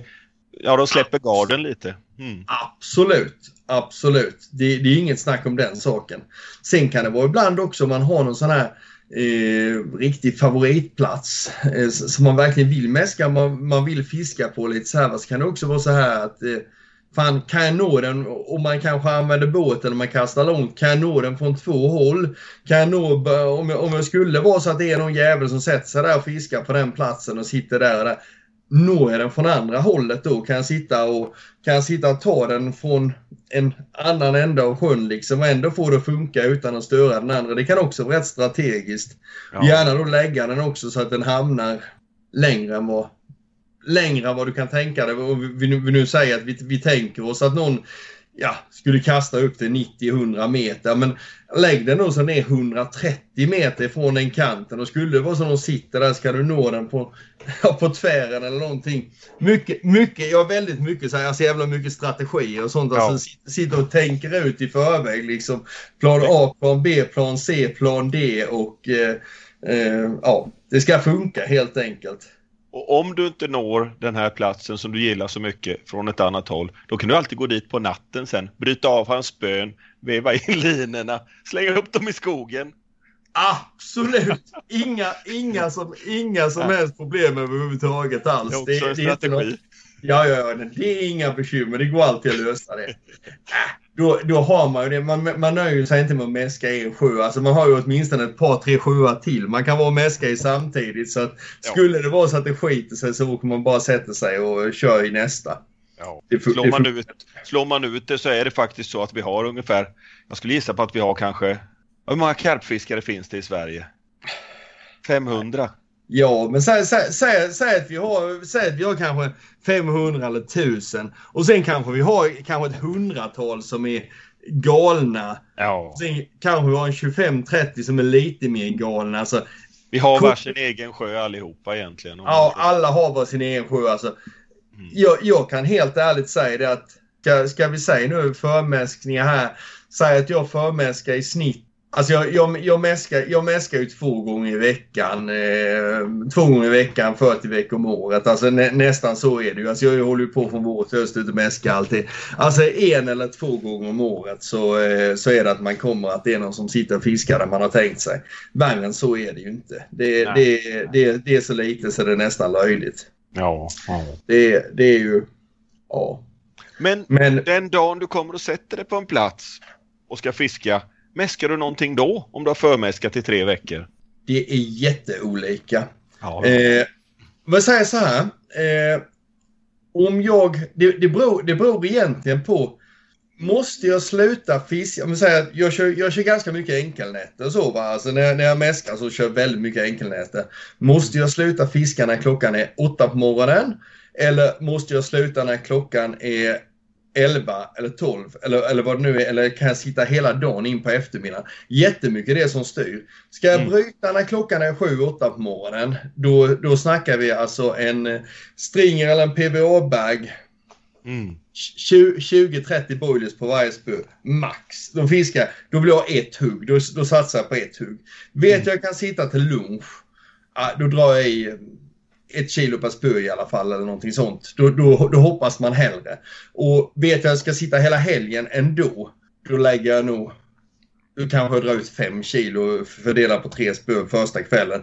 För då vet jag att skulle det vara så att det inte kommer igång direkt liksom så kommer det eh, kanske natten efter eller vad det nu är för någonting. Så att tiden styr ganska mycket men jag tror att jag har blivit bättre på det för att jag har nog sabbat jävligt mycket kortpass på grund av att jag har lagt ut, trots att jag vet att jag ska sluta fiska klockan åtta på morgonen.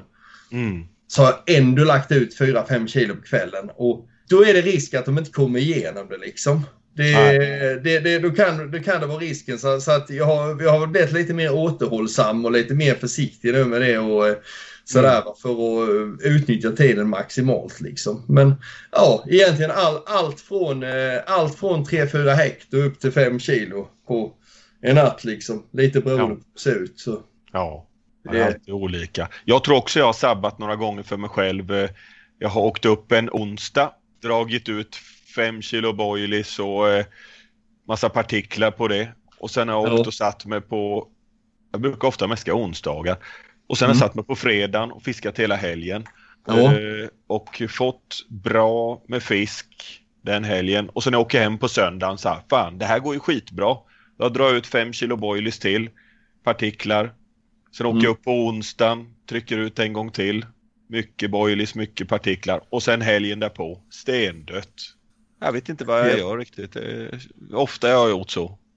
Ja, det är jävligt tråkigt. Eller så har man klippt alla de hungriga, man klippte alla de hungriga fiskarna på, på Ja. första passet. Ja, jag vet inte, det, men det, det är fan lustigt liksom. Ibland tänker jag att äh, de skygg- skyggar. Jag har blivit för skygga för den här mäskplatsen på något vis. Det har blivit för mycket mat på en gång. Ja, Jag vet inte. Sen tror jag också det är eh, li- lite som, som eh, för det, i, i, i ditt fall, eh, du, du har ju det som ditt hemmavatten och du fiskar allting så här så det är Mm. jävligt lätt att man, man går överstyr och mäskar eh, galet mycket i sina hemmavatten just för att man tänker att du har alltid igen det i slutändan. Alltså Ja. du, du, du vet att du får alltid den här ketchup-effekten till slut på det. Eh, och det är ju jävligt lätt att göra när man har det runt knuten liksom. Då, då är det ju, eh, alltså skulle jag göra det här nere i Ekasjö om jag liksom eh, skulle vilja testa och eh, lägga ut 10 kilo broilers för en natts fiske och jag blankar på det.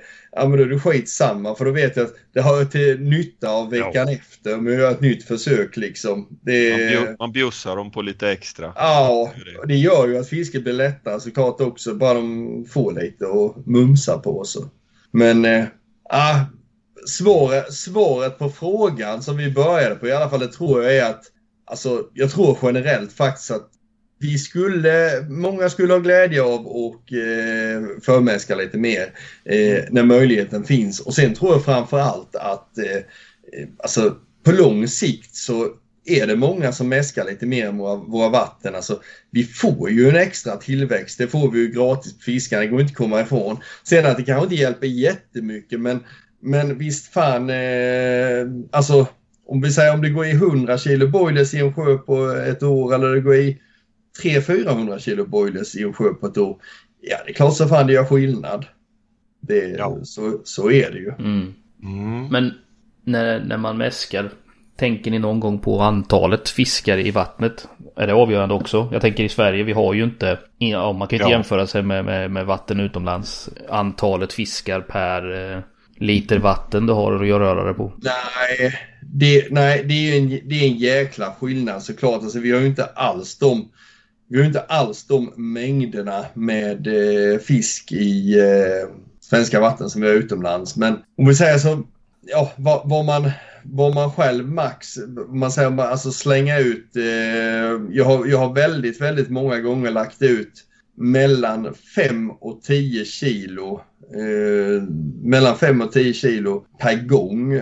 Alltså man säger varannan dag kanske i sjöar med, alltså med glesa bestånd där vi, där vi, där vi snackar alltså kanske eh, mindre än eh, ett par karpar per hektar eller någonting sånt. Alltså vi, vi, ja, vi kan snacka ett par karpar per hektar och eh, haft fantastiskt fiske på det alltså. Så att jag, jag tror det är väldigt svårt att komma upp i de volymerna ändå där, eh, där det skulle bli för mycket liksom. Det, det, det, är nog inte, det är nog inte så jäkla stor risk.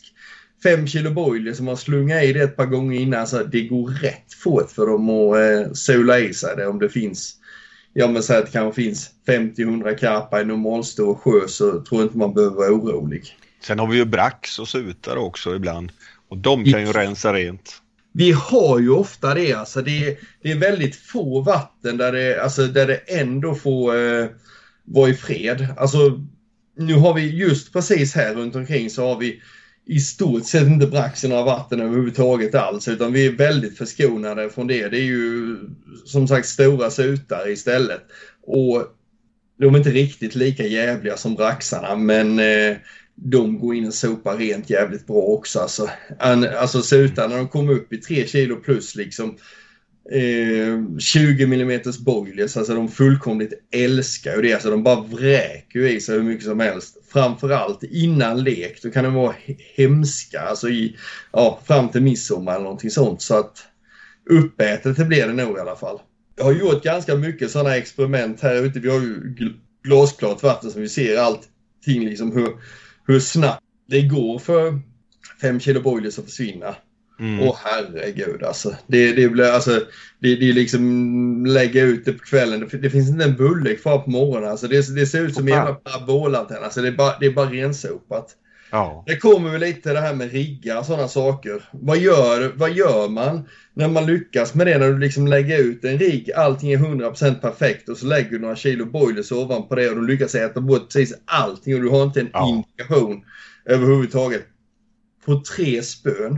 Och Ja, för är att sjukt, verkligen är det. försäk- försäkra mig om att det verkligen är så här. Så har jag alltså, jag har simmat ut betet, riggen, Mm. allting, lagt den, sträckt ut den, tryckt ner blyet i, botten, sett till att det är perfekt allting, lagt några kilo boilers ovanpå på en, alltså bara på så här på en, eh, en eh, cirkel på en meter eller någonting sånt. Och sen 10 på morgonen, simma ut efter, bara låta riggarna ligga kvar allting, simma ut och se hur den här jävla riggjäveln ligger kvar där. Det finns inte en enda bulle kvar och jag har inte haft ett enda pip i larm på natten.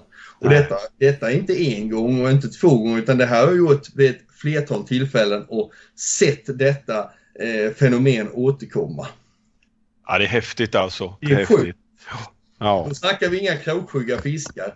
Vi snackar alltså fiskar som, eh, alltså fler nog är ofångade än vad som är fångade liksom. Och de som är kanske mest fångade kanske är fångade tre, fyra gånger på en eh, sex, sjuårsperiod. Mm. Ja. Det är galet. ja, verkligen. Jag vet att eh, i ett YouTube-klipp, eh, jag tror han heter, vad heter han, Gary Bannister eller någonting heter någon lirare. Eh, jag tror han heter så. Och sen eh, eh, Frank Warwick, de sitter och samtalar. Och då frågar han, får Frank Warwick frågan, hur fan är det han ställer frågan? Jo, hur ofta när en fisk, när en karp plockar upp betet och kroken i munnen, tror du att du får indikation i larmet? Och Frank kan svara då, han tror en gång av tio. Så det kanske hänger ihop lite med det där, hur de kan rensa rent totalt på en Jag, eh, jag skulle nog tro att det är, jag skulle nog tro att det är 100% sant. Jag har, läst, nå- jag har lä- läst någon annanstans faktiskt eh, också där Frank Warwick han sa det. Ja, i absolut bästa fall om du har den ultimata riggen. Lyckas du kroka, lyckas du kroka en på fem som har ditt bete i munnen. Då Ja. har du en eh, riktig jävla wonder rig. Och Ja. eh, det är ju jävligt jobbigt att veta att det kan faktiskt är så.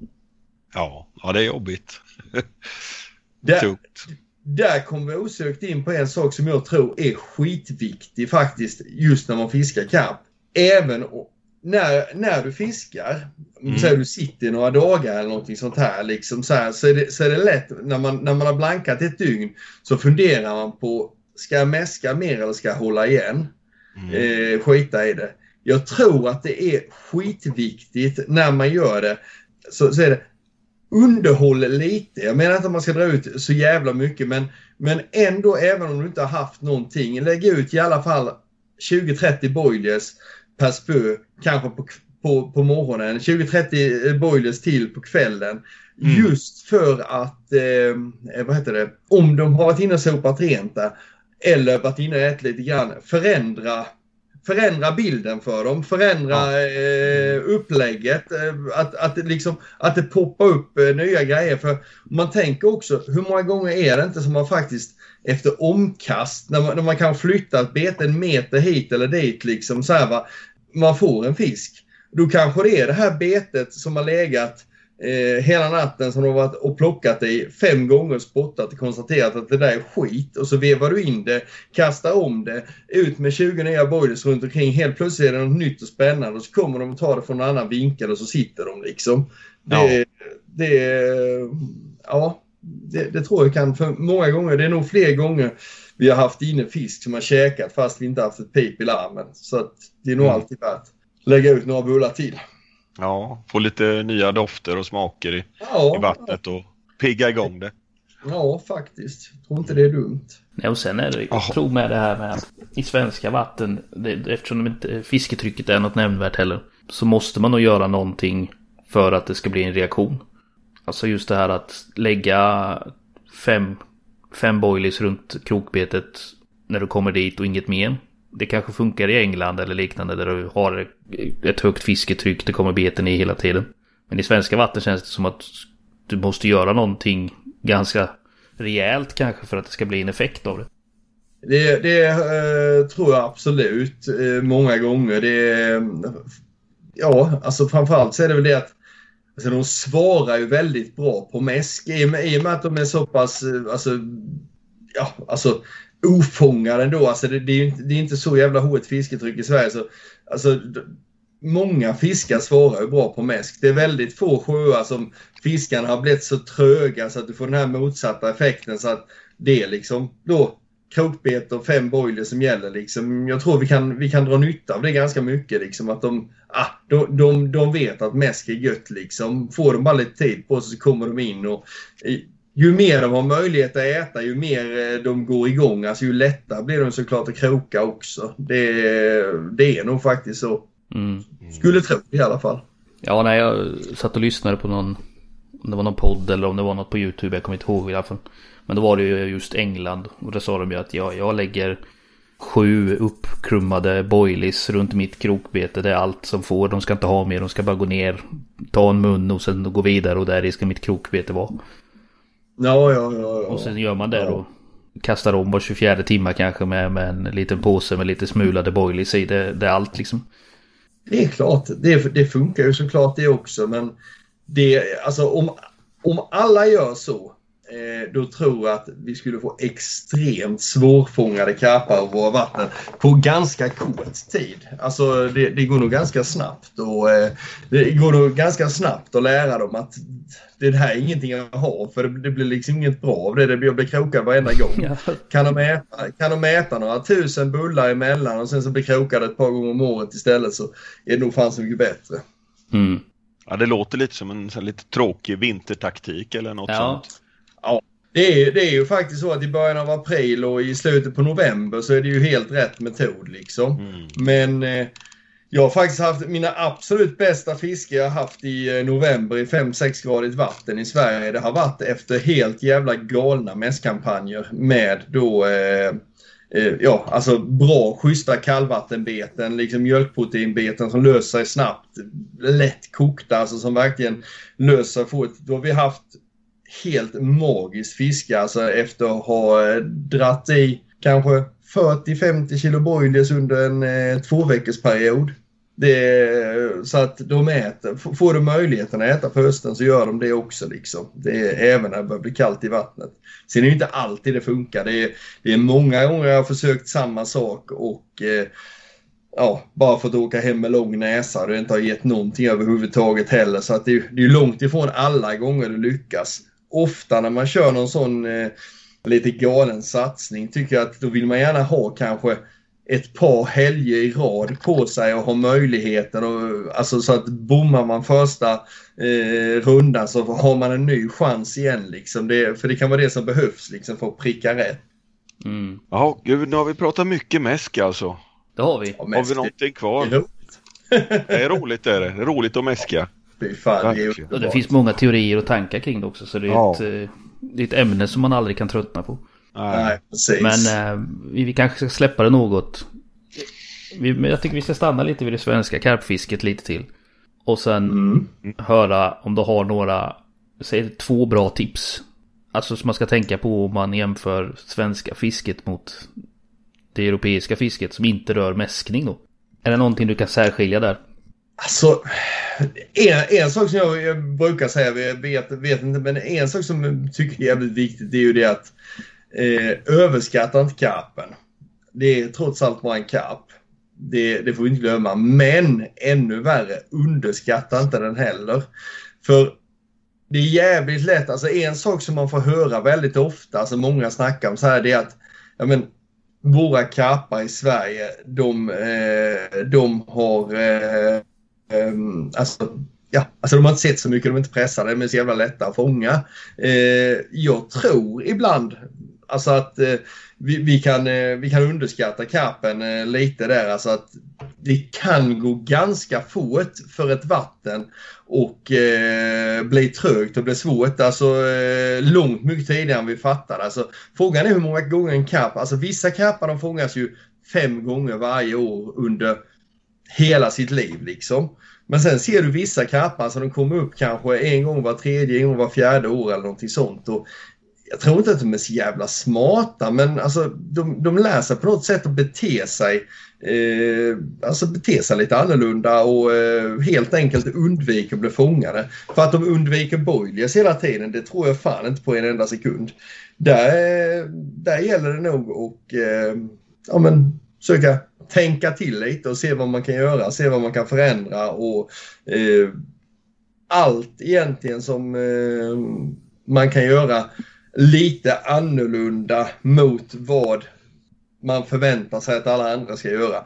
Det är ofta rätt bra liksom. Det, det, det låter lite sådär liksom att ja men gör allting annorlunda men många gånger antingen antingen gör man exakt som alla andra och det kan vara jättebra eh, i vissa fall men många gånger kan det vara bättre att göra precis tvärt emot. Alltså gör något helt jävla tokigt. Det, det är bra att testa sig fram. Eh, annars så eh, någonting jag funderade på lite innan, alltså det är väl om man, om man vill ha bra fiske, om man vill, vill liksom få till ett bra krabbfiske. Planering är jävligt viktigt, inte bara mäskningen alltså, utan eh, hela planeringen runt omkring. Alltså hur, hur kan man få till det? Alltså, hur, kan man, hur kan man göra för att eh, styra saker på, eh, på ett bra sätt och styra sin egen fördel? Eh, vad är värt mest? Alltså nu, nu ser jag bara det ur perspektivet att nu ska vi fånga fisk, nu ska de jävlarna upp. Vad är värt mest ur fiskesynpunkt om man kan åka en fredag lunch till söndag lunch kanske ihop med en polare och sätta sig på ett bekvämt swim i någon trevlig sjö Eh, eller att man kanske skiter i att fiska den helgen och gör någonting tillsammans med fru och familj eller någonting sånt och sen om man har möjlighet att kunna ta några eh, komptimmar en eh, onsdag morgon eller någonting sånt istället och kunna få till ett nattpass mitt i veckan när det inte är någon konkurrens överhuvudtaget. Lite sådana lite såna saker, lite eh, strategiskt eh, tänkande. Om man, om man nu vill maxa oddsen för att fånga fisk så tror jag många gånger att det kan vara eh, värt, och, värt att kika på. Sen är jag fullt medveten om att mm. alltså, alla kan inte fiska mitt i veckan och det kan inte funka överhuvudtaget alls. Men går det så är det guld värt liksom. Man ner till en sjö helt och hållet själv. Inte en jävel som sitter och fiskar där överhuvudtaget. Man kan ha varit nere och mäskat lite gött på söndagskvällen och tisdagskvällen och sen åker ner och sätter sig där på onsdagen. Då, kan det vara rätt bra förutsättningar. Många gånger så är det bättre förutsättningar då än om man kommer på helgen och det sitter tre, fyra andra gubbar runt sjön. Ja, det märks jätteväl uppe i Karsöl till exempel. Sitter det sju, åtta man och fiskar där på helgen. Det blir oftast ganska trögt. Fiskare kommer upp, kan komma upp en, två, tre fiskar men kan en kille åka ut och sätta sig ensam i veckan och fiska två dagar. Ja, han får, det kan bli kanonfångster. Åtta, Han får fler fiskar än vad alla de andra hade fångat på hela helgen. Ja, för fasen. Det är nästan alltid så. Så är det ju. Sen är ju frågan om man, om man alltid ska se karpfiske på det viset. Ibland så kanske det... Ja, alltså ibland är det roligare att kunna åka ut. Alltså det är ju jävligt trevligt sitta ett gäng runt sjön så och fiska också. Det, så att det bästa ja. är att man kan få lite av båda. Att man kan köra det här supereffektiva nattpasset med 100% fokus på mm. eh, bara fånga karp och käka eh, sjögröt med potatismos och bacon och vad fan det nu är för någonting och överleva ja. på det en natt och försöka fånga lite fisk och sen kan man ta någon annan gång så tar man en helg och eh, kör lite ihop med polare och tar det lite mindre seriöst. Det är ju givetvis det bästa. Man kan få, man kan få både och liksom. Båda, båda grejerna är ju riktigt roligt. Ja, ja. Det är... när det går trögt. Jag är ju, jag är ju sån att när, när det går trögt för mig när det är jobbigt och jag känner liksom att fan nu måste jag fånga fisk. då blir jag fullständigt asocial. Då går jag in i min koma, slutar prata med folk, sätter på mig skygglapparna och bara fokusera, liksom. Då, då är det 100% fokus. Sen är jag nöjd och känner att ja, nu har jag fångat lite av det. Alltså, så här, va. Då slappnar jag av, då blir jag lite mer social. Då tycker jag det är roligare att ut och köra lite social fishing. Men är det, är det 100% fokus, då, då, är det liksom, då är, då är jag helt, eh, ja då är jag lobotomerad. Då är jag fan eh, radarstyrd. Jag bara kör järnet. Ja, just det. Så målsättningar är egentligen jädrigt viktigt för dig? Och det är det. Omedvetet så är det, så är det nog det. Och det behöver inte vara de här, alltså jag har ju mina sådana här stora galna målsättningar. Du är bland annat skyldig till en av dem. Liksom. Ja, ja. Du, du triggar mig en gång till att eh, jag skulle försöka jaga fisk över var det fem sjöar över 20 kilo i Sverige. Jag tror inte det fanns så många då när du sa det i alla fall. Men vi sa väl fem över 20 kilo i Sverige skulle vara en dröm. Va? Och det ja. bara satte sig i huvudet på mig. Jag har liksom, det har jag levt efter sedan den dagen utan att veta om det. Så att du, du, du har taggat mig till detta. Jag är fan uppe i åtta nu. Det fanns, alltså det är knappt att, eh, det är knappt att de flesta känner till att det finns åtta sjöar med fisk över 20 i Sverige. Nej, jag skulle nog inte kunna räkna upp det faktiskt. Jag, jag, jag, jag, ska, jag ska upp i 10 någon gång. Men det är inte det som är det viktigaste, sådana jävla målsättningar. Jag tycker de här små, bara de här små roliga grejerna liksom att tänka igenom att ja, vad fan vill jag göra av den här säsongen? Jag vill fånga en fisk där liksom. Vad, vad, är, en bra, vad är en bra fisk? Vi säger nu att jag, jag kommer på ett nytt vatten. Det kan vara vad fan som helst. Vi kan, vi kan säga att jag ska fånga en fisk i kasgöl. Mm. Då brukar jag alltid tänka så här liksom att ja, vad, vad kan, vad kan kasgöl leverera? Ja, det, den kanske i nuläget kan leverera en 14, 15, 16 kilos fisk med lite flyt. Men mm. om vi ska vara lite realistiska, vad är bra i kasgöl? Då, då tycker jag att ja men okej, okay, 13. Där, där, har vi en jävligt bra fisk. Där har vi en riktigt ja. bra. Och så sätter man, sätter man ett mål och siktar på. Jag ska nå 13 kilo liksom. Mm. jag tycker om att sätta lite sådana småmål som är lagom. Alltså just för att inte... Jag har kört några vatten där jag har fullständigt förstört glädje för mig själv. För att jag har börjat direkt. Jag har börjat från noll och sikta på att jag ska fånga en 20 kilos. Det är mm. bara det som har varit. Och då har jag fått alltså, fiskar på 11, 12, 13 kilo på vägen som varit helt fantastiska. Och det har blivit ett mattfoto mitt i natten nästan lite i besvikelse. Ah, det var inte rätt fisk den här gången. Och Nej. det är så jävla fel. Det är så fruktansvärt jävla fel när det går på det hållet liksom. Så ja. att sätta ribban på max direkt, det är totalt jävla vansinne. Då är det bättre att liksom hitta en nivå där man känner att det här är lagom liksom. Det här, det här är bra. Får jag en 12, får jag en 13, är det gott om 15 kilo så här, ja fan kanske sikta på 15 då men att sätta ribban direkt där uppe, det, det, det förstör det. Så att jag tycker det är skitkul att sätta upp mål, alltså sådana här små mål hela tiden. Det kan vara kortsiktiga, långsiktiga, mittemellan och lite så va. Men, men mm. eh, ha någonting. Jag brukar faktiskt alltid ha en eh, ganska så noggrant nedskriven eh, plan för eh, säsongen. Nu någon gång så brukar den bli färdig. Oftast så handlar det om kanske att tanken är att jag har några vatten, några projekt jag ska försöka fånga fisk i och sen så brukar jag också fundera på att okej, okay, vad är rimligt? Kan jag säga att ska jag försöka fiska 10 nätter i den sjön? Ja, men det, det är rimligt. Vi sätter 10 nätter där och så eh, den där, nej, det kanske bara blir fem nätter där och så tar jag någon. Jag kan ju aldrig hålla mig till ett vatten, det är ju kört. Va? Så att, eh, ja. Ja men eh, kanske ta några stycken sådana, så sätta upp både då vad man vill fånga och så lite, eh, lite, mm, ja, hur, hur mycket tid man kan tänkas lägga där och så försöka sätta målsättningen också i ja, den får ju stå i relation till ungefär hur mycket tid man kan lägga där. Kan man bara lägga eh, fem nätter på ett år, ja det kanske man ska vara, ha som målsättning man ska fånga en fisk. Eh, ja. mer, mer än så eller högre än så kanske man inte ska gå för då blir man bara besviken. Ja. Alltså jag, tycker det är, jag tycker det är rätt kul. Jag är, jag är nog lite taggad på just att ja, men tävla lite med, med mig själv sådär liksom och mm. försöka att uppnå äh, grejer. Och Har du de... någonting du vill uppnå i år som du vill berätta? Ja, detta är lite lustigt för nu när vi pratar om det. Detta är nog första gången på jättemånga år som jag inte har några sådana här eh, glasklara mål.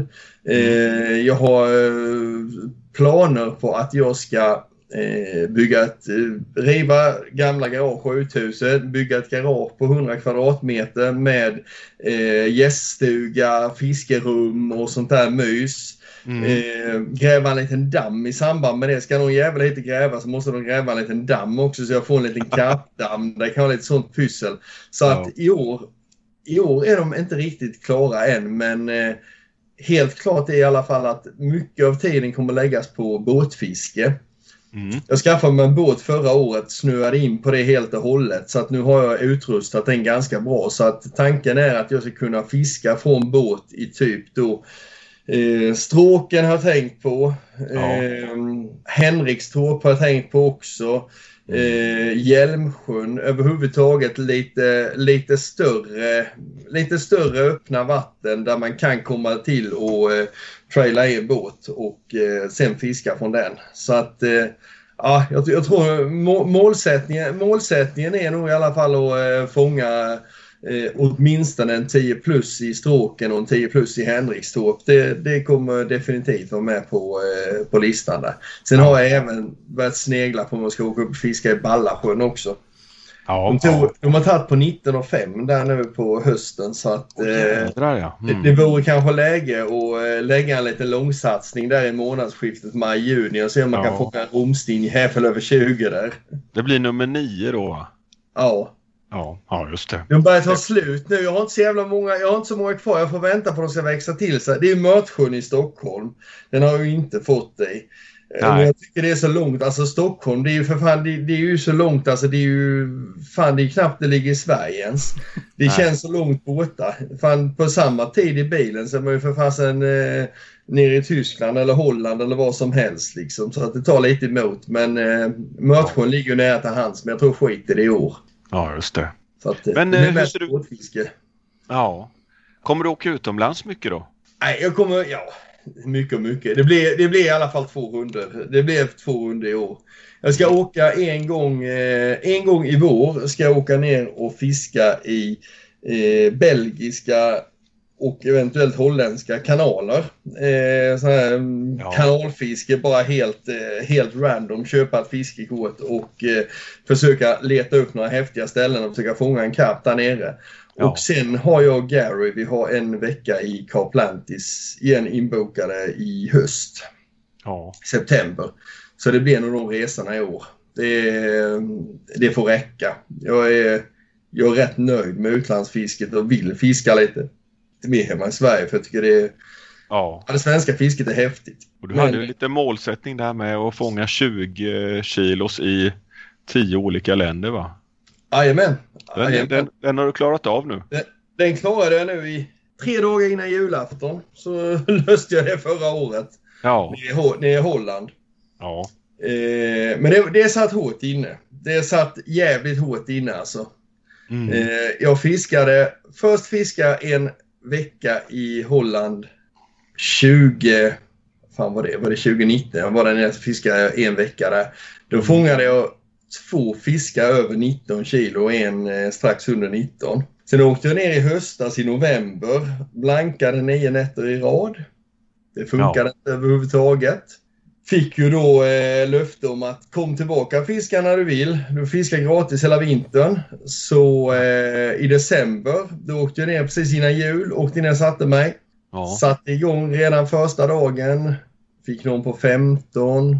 Dagen efter fick jag någon på 17. Sen fick jag någon på 18. Och eh, det var lugn i helvete att komma över 20. Ja. Sista kvällen när jag skulle åka hem så fick jag en på eh, 22,8. Det var, eh, det var riktigt jävla gött. Alltså den satt så jävla hårt inne. Och ska jag veta det att alltså Carplantis är ju definitivt inte lätt att fånga fisk i. Den är hur jävla trög som helst. Riktigt jävla pisseställe. Så alltså man, man säger vad det gäller att fånga fisk är det hur trögt som helst. Men snittet är ju det. Alltså det, det är ju inte alls ovanligt att folk åker ner och sätter sig eh, och får tre fiskar så väger ju alla över 20. Ja, Det ja. var alltså under den tiden jag satt där drog de här på 15, 17 och 18 kilo så var det två andra killar som kom ner. Det var en kille han kom ner. Han tog två över 20 första dagen han kom. Han la ut sina spön, fiskade ett par timmar, fick två över 20. De andra två, jag tror de hade tre över 20 där på två dagar. Så det kom upp fem 20 under tiden jag satt där och bara Ah. Mm. Så eh, ja, det satt hårt inne. Men eh, det ska inte vara lätt. Det är ju så att när man väl, eh, eh, när man väl lyckas så blir man så jävla mycket gladare. Ja, ja, ja. Så Riktigt är- fin julklapp då, kan man säga. Det blev en fin julklapp. Ja. Och på vägen hem så tänkte jag direkt, fan, ha, nu har man ju uppnått det här ju. Ha, vad ska man göra då liksom? Eh, ah, vi höjer ribban, nu kör vi 60 pund istället. Så att nu, nu, Ja. blir det, nu blir målsättningen då att nu ska jag jobba vidare så jag kommer upp i 10 vatten över 60 pund istället. Ja, Eh, ja, vad är det? 27 och 2 eller vad fan det är eller någonting sånt. Det är lite, stö- lite större utmaning. ja det är stödigt. Det är stödigt och du klarar av Så- det. det, det, det kommer nog ta ett tag men eh, så det är därför jag fiskat på i Karplantis faktiskt. För jag tänkte att jag Ja. ska, jag ska försöka ta en där.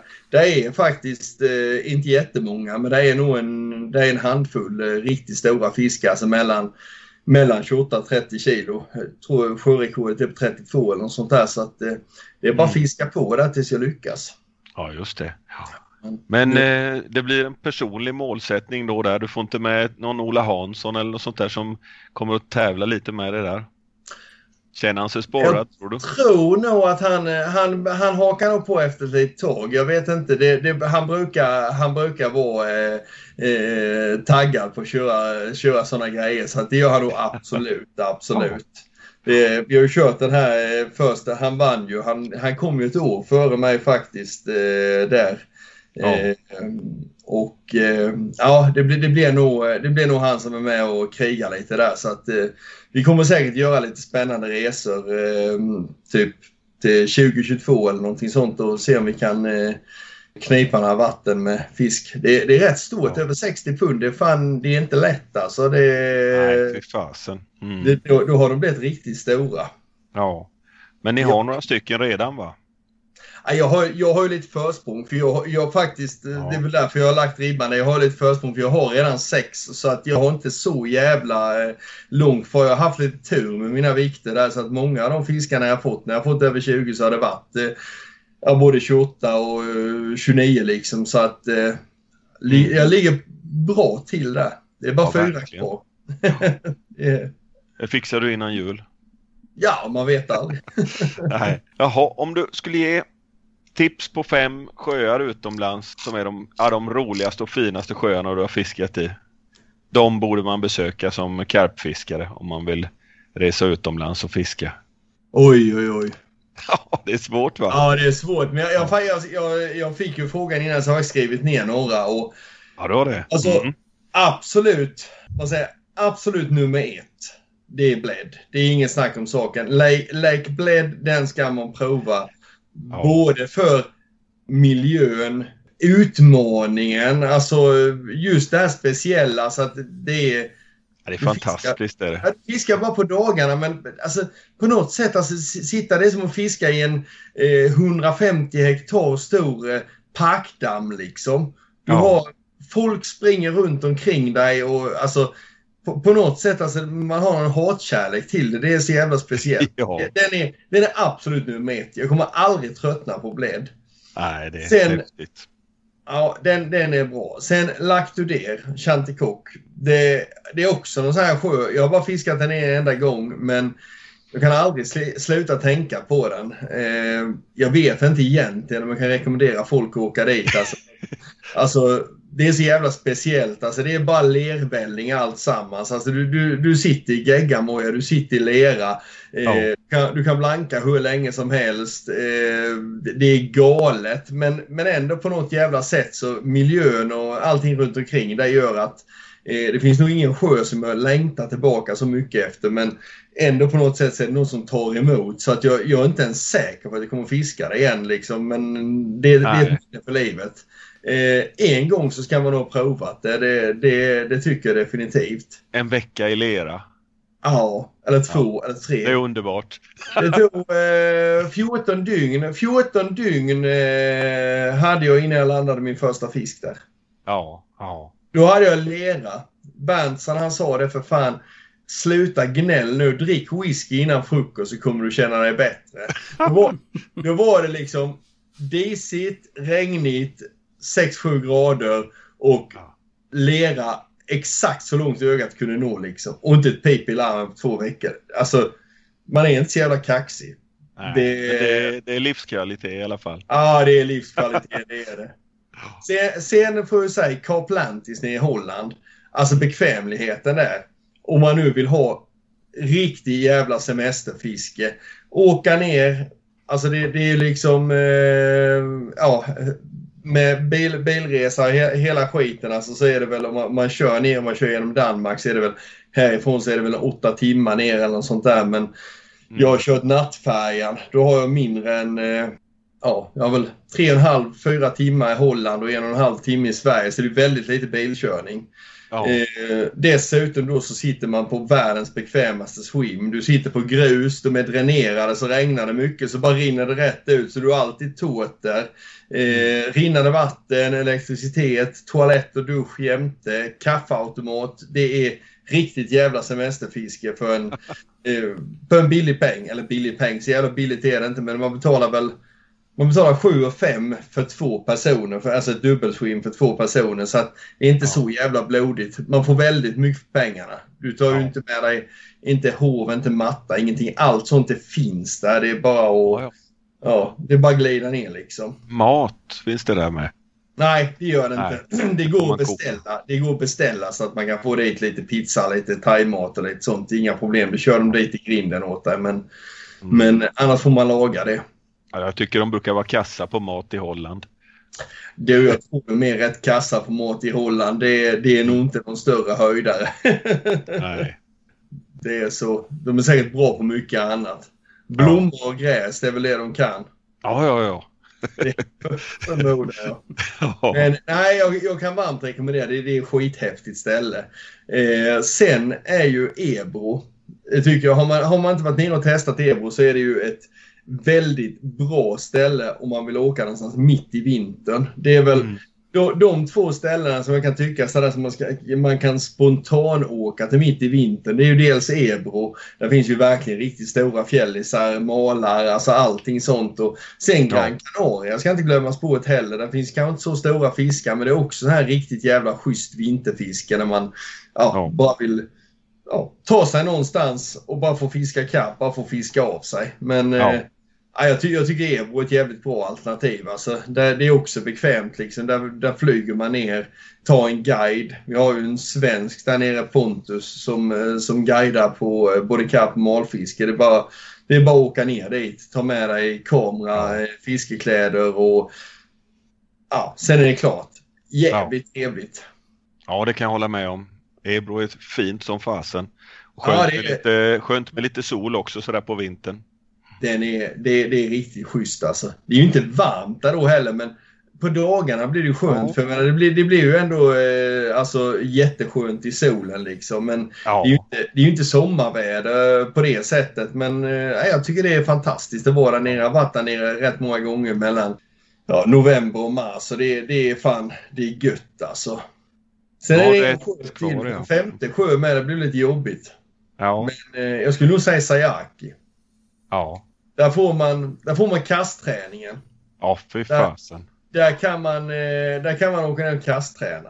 Det är, det är för jävla fint alltså ju- just det här. Men det, det är också det är ganska så eh, eh, ganska så eh, hardcore, ganska tufft fiske så på många sätt och vis. Vill man ha något liknande men med lite mer behagliga avstånd och lite närmare håll och lite enkelt smidigt är ju faktiskt Jaroslavki i Polen jävligt trevligt också.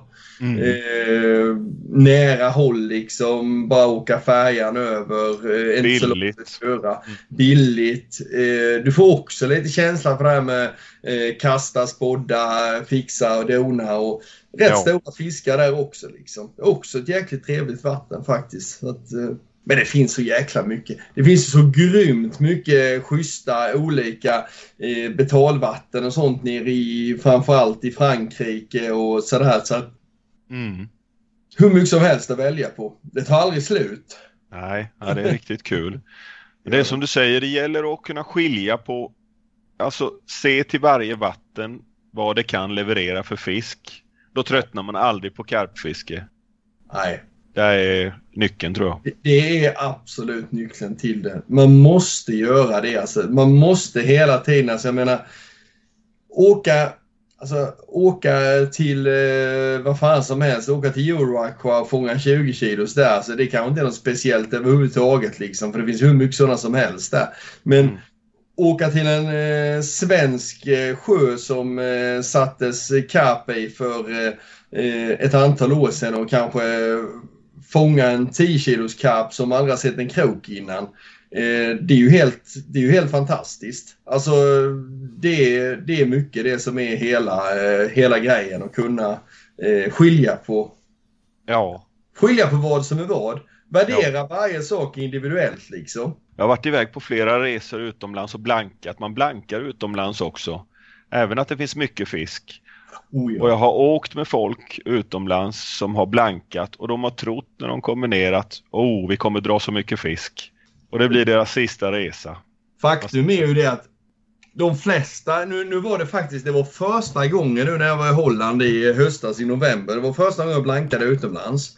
Ja, Men de flesta resorna man gör är ju mer eller mindre misslyckade. Alltså så är det ju bara. Alltså, om man nu ska titta då resultatmässigt vad man förväntar sig när man åker hemifrån och Ja. vad man kommer hem med för resultat. Alltså, det, det är ju väldigt, väldigt sällan. Jag, jag tror nog att jag snittar nog bara, inte, inte, inte så, jag, jag har väl haft flyt ibland och åkt ner och testat ett land och fått en 20 första gången men Mm. ofta handlar det ju om kanske då man, man säger om man, man vill fånga en 20 plussare så här så, alltså ofta, alltså ett par tre återbesök i alla fall eller någonting sånt liksom innan alla bitarna faller på plats liksom och det, Ja. alltså, det är så jävla många grejer som ska eh, ja, alltså vara rätt. Ja, Det är, fan, det är fan inte lätt. man måste få en känsla för sjön och ungefär hitta lite platser som man trivs att fiska med och förstå hur de stora fiskarna rör sig och ja, massa grejer alltså. Jag ska åka ner nu till Bosnien hoppas jag i maj nu.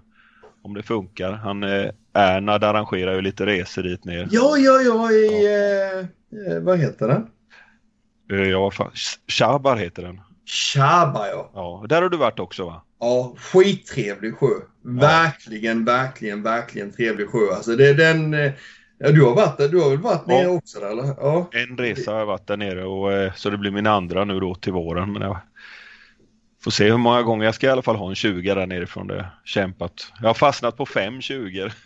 Ja, ja, men det är, det, är fan, det är fan lätt att det hakar upp sig. Ja, fy fasen. Men de har du haft länge nu. De har du haft i bra många år. Det, det, är ett tvärnit sen. Ja, för fasen. Ni har seglat ifrån mig totalt. Ja.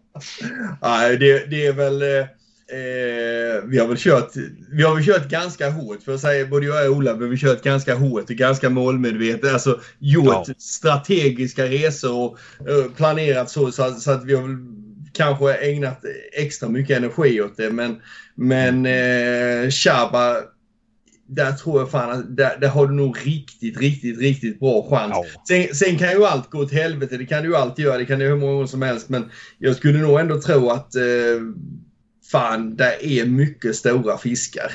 Ja, det är det. Det är det. Jag, jag, jag hade ju alltså flyt när vi kom ner där. Vi, vi chansade bara. Det var en fyra dagar vi åkte dit. Vi, eh, vi åkte till Ungern. Vi fiskade Euroaqua en vecka sådär. Och sen så hade vi bokat in så att vi skulle ta fyra dagar i Bosnien efter det. Va? Ja, Och eh, jag fick en på 12-13 kilo direkt första kvällen. Mhm. Eh, sen fick jag ingenting mer. Jag blankade andra dagen, tredje dagen, fjärde dagen och sen så på eftermiddagen, eftermiddagen innan vi skulle åka hem så testade jag. Jag bara gjorde ett omkast med en liten PVA-bag in i en liten vik sådär liksom och så tänkte jag, ah, fan, det, där, det kändes bra lite. Solen låg på lite så vet du. Och så efter några Ja. minuter så drog det iväg och eh, när jag fick in fisken till hoven så tänkte jag, alltså det där, den, den är ju inte så jävla stor. Alltså, det, nej, men kanske 15, 16, 17 kilo rätt så långsmal fjällis. Det syntes liksom direkt att den, den hade ju ingen buk, den hade ju ingenting men jag väl fick den i håven och vi fick upp den. Den var så jävla lång så att den vägde ju över. Ja. Den vägde 25 och 2 tror jag eller någonting sånt.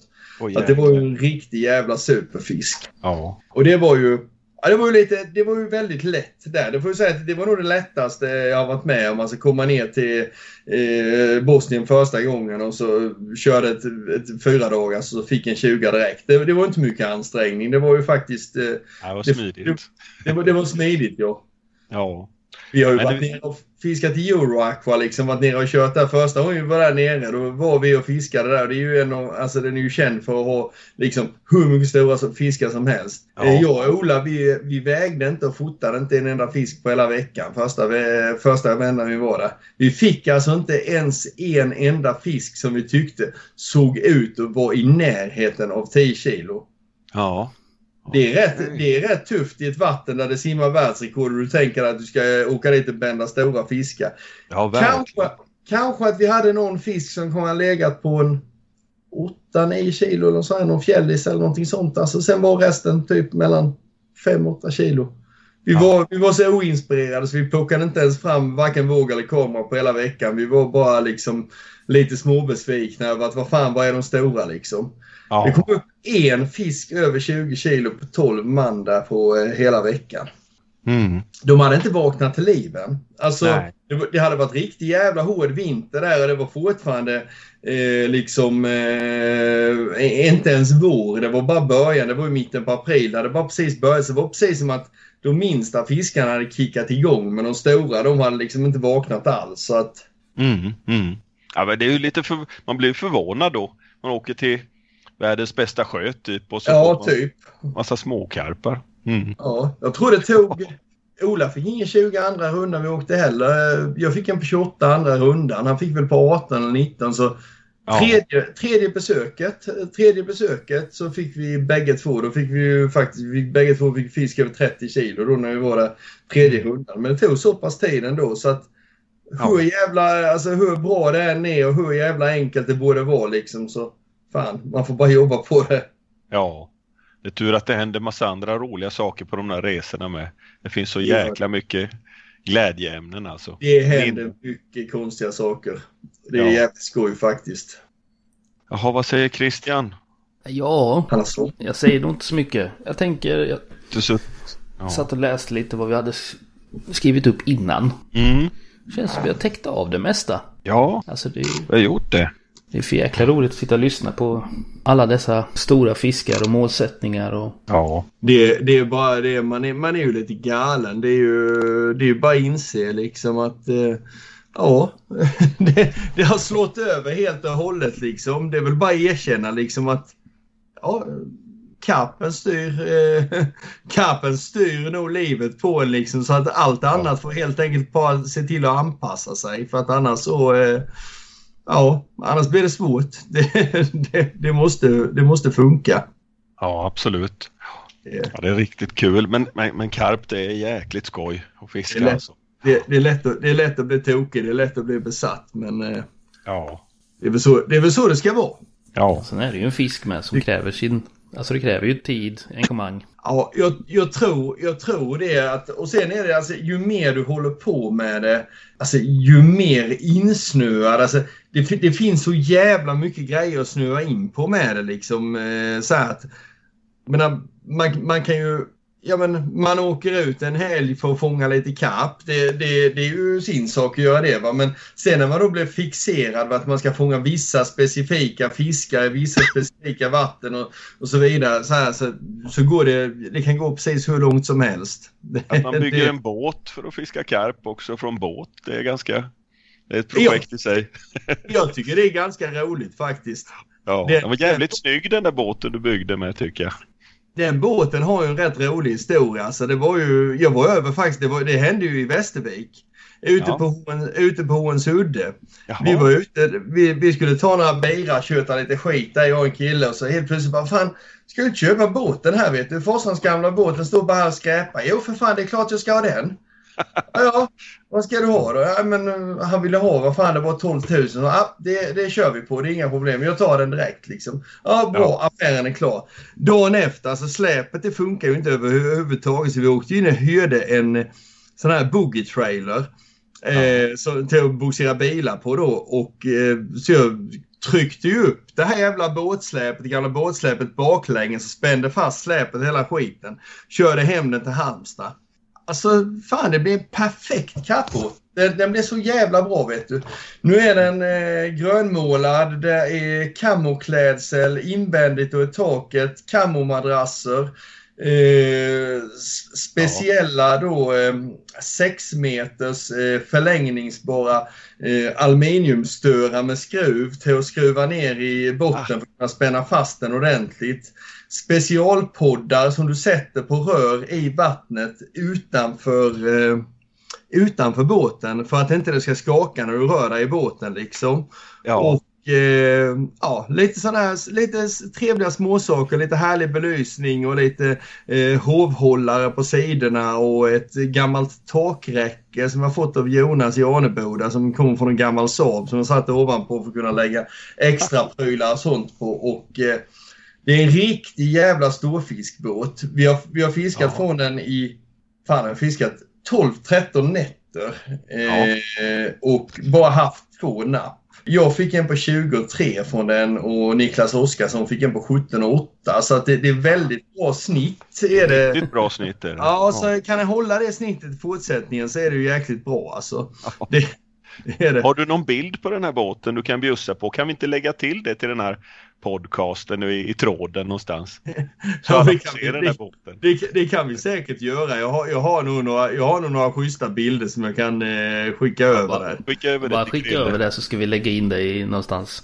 Ska, jag ska kolla, jag kan snoka fram, jag ska snoka fram den sen så ska jag skicka över den till dig. Jag har nog några goa bilder från Kroppkärr där vi ligger parkerade. Där är det ju en jäkla fördel för där finns ju väldigt begränsat med yta att fiska så det är ett par jävla gamla bryggor liksom.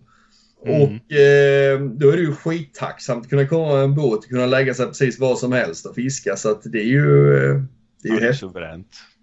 Ja för fan, så nu vill jag ju ha den så att den, den ska ju bara gå på el då. Jag har ju ingen bensinmotor till den och sånt där. För många sjöar kan man inte köra en bensinmotor. Så jag körde en 24 volts eh, eh, sån elmotor som motsvarar då en eh, femhästars eh, utombordare.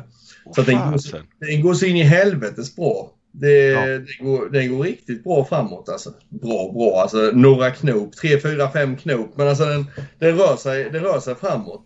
Ja, ja, det Så räcker ju gott. lilla- Ja, kör lilla gummibåten på släp också för att det går ju inte att kasta från den och det går ju givetvis inte att drilla in en fisk hela vägen till båten när du har eh, fem störar nedkörda i botten. Då kommer vi fastna i allting. Så att man, ja, man hoppar över kanten ner i gummibåten och går ut och drillar fisken därifrån då så att eh, Aha. så att eh, det är jävla high tech. Det är riktigt jävla high tech. Det, är- Ja. det, är inget, det är ingenting för den morgontrötte när han vaknar mitt i natten och ska försöka klättra från den ena båten till den andra. Nej, fy. Pare- Paremyr han har hållit på att dö vet du där han ska balansera och ta sig från, eh, från eh, båten till gummibåten. Det är ingen jävla lätt lek. Och sen vill man ju gärna då försöka fiska med fyra spön var också från den här lilla båten så att det blir Ja. bra jävla avancerat. Men det funkar. Det gör det helt klart. Det är huvudsaken. Ja, för Så det fan. låter jäkligt kul alltså. Jag har också tänkt tanken men jag har inte hittat något bra, någon bra, bra båt att klämma till på än så länge.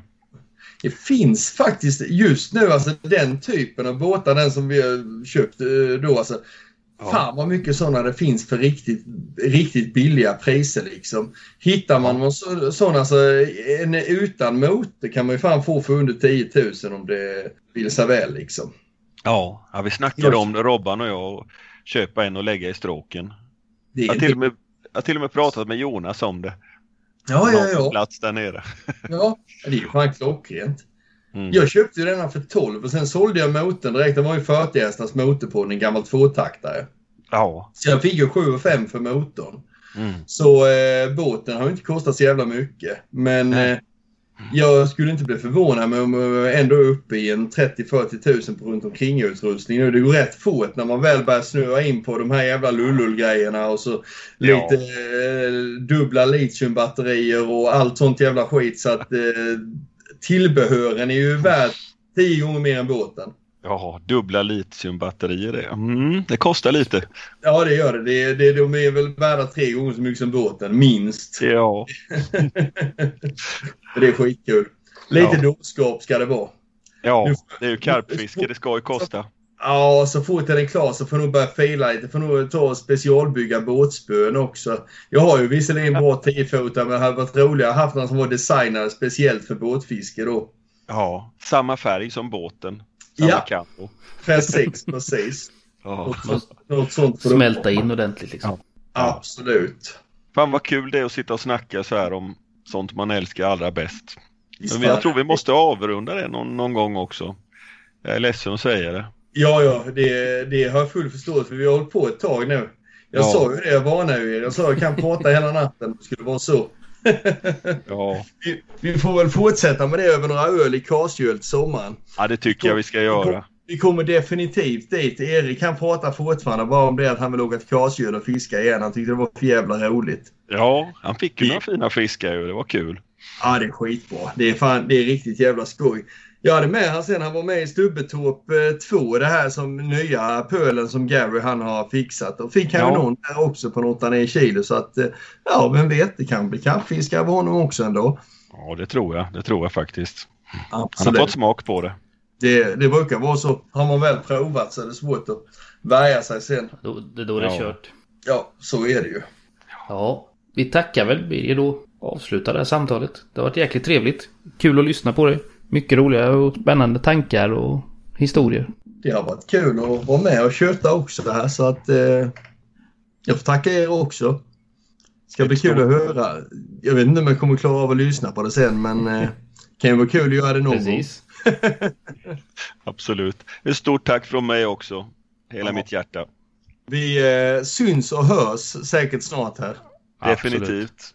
Amen. Jajamän. Ha det gott. Kör hårt Ja, grabbar. du med. Må gott. Hej. Ha, samma. Hej.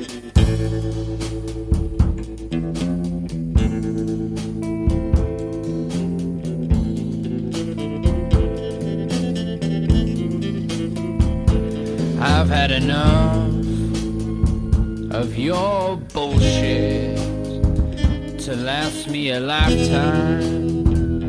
So get out of here. I don't wanna see you around.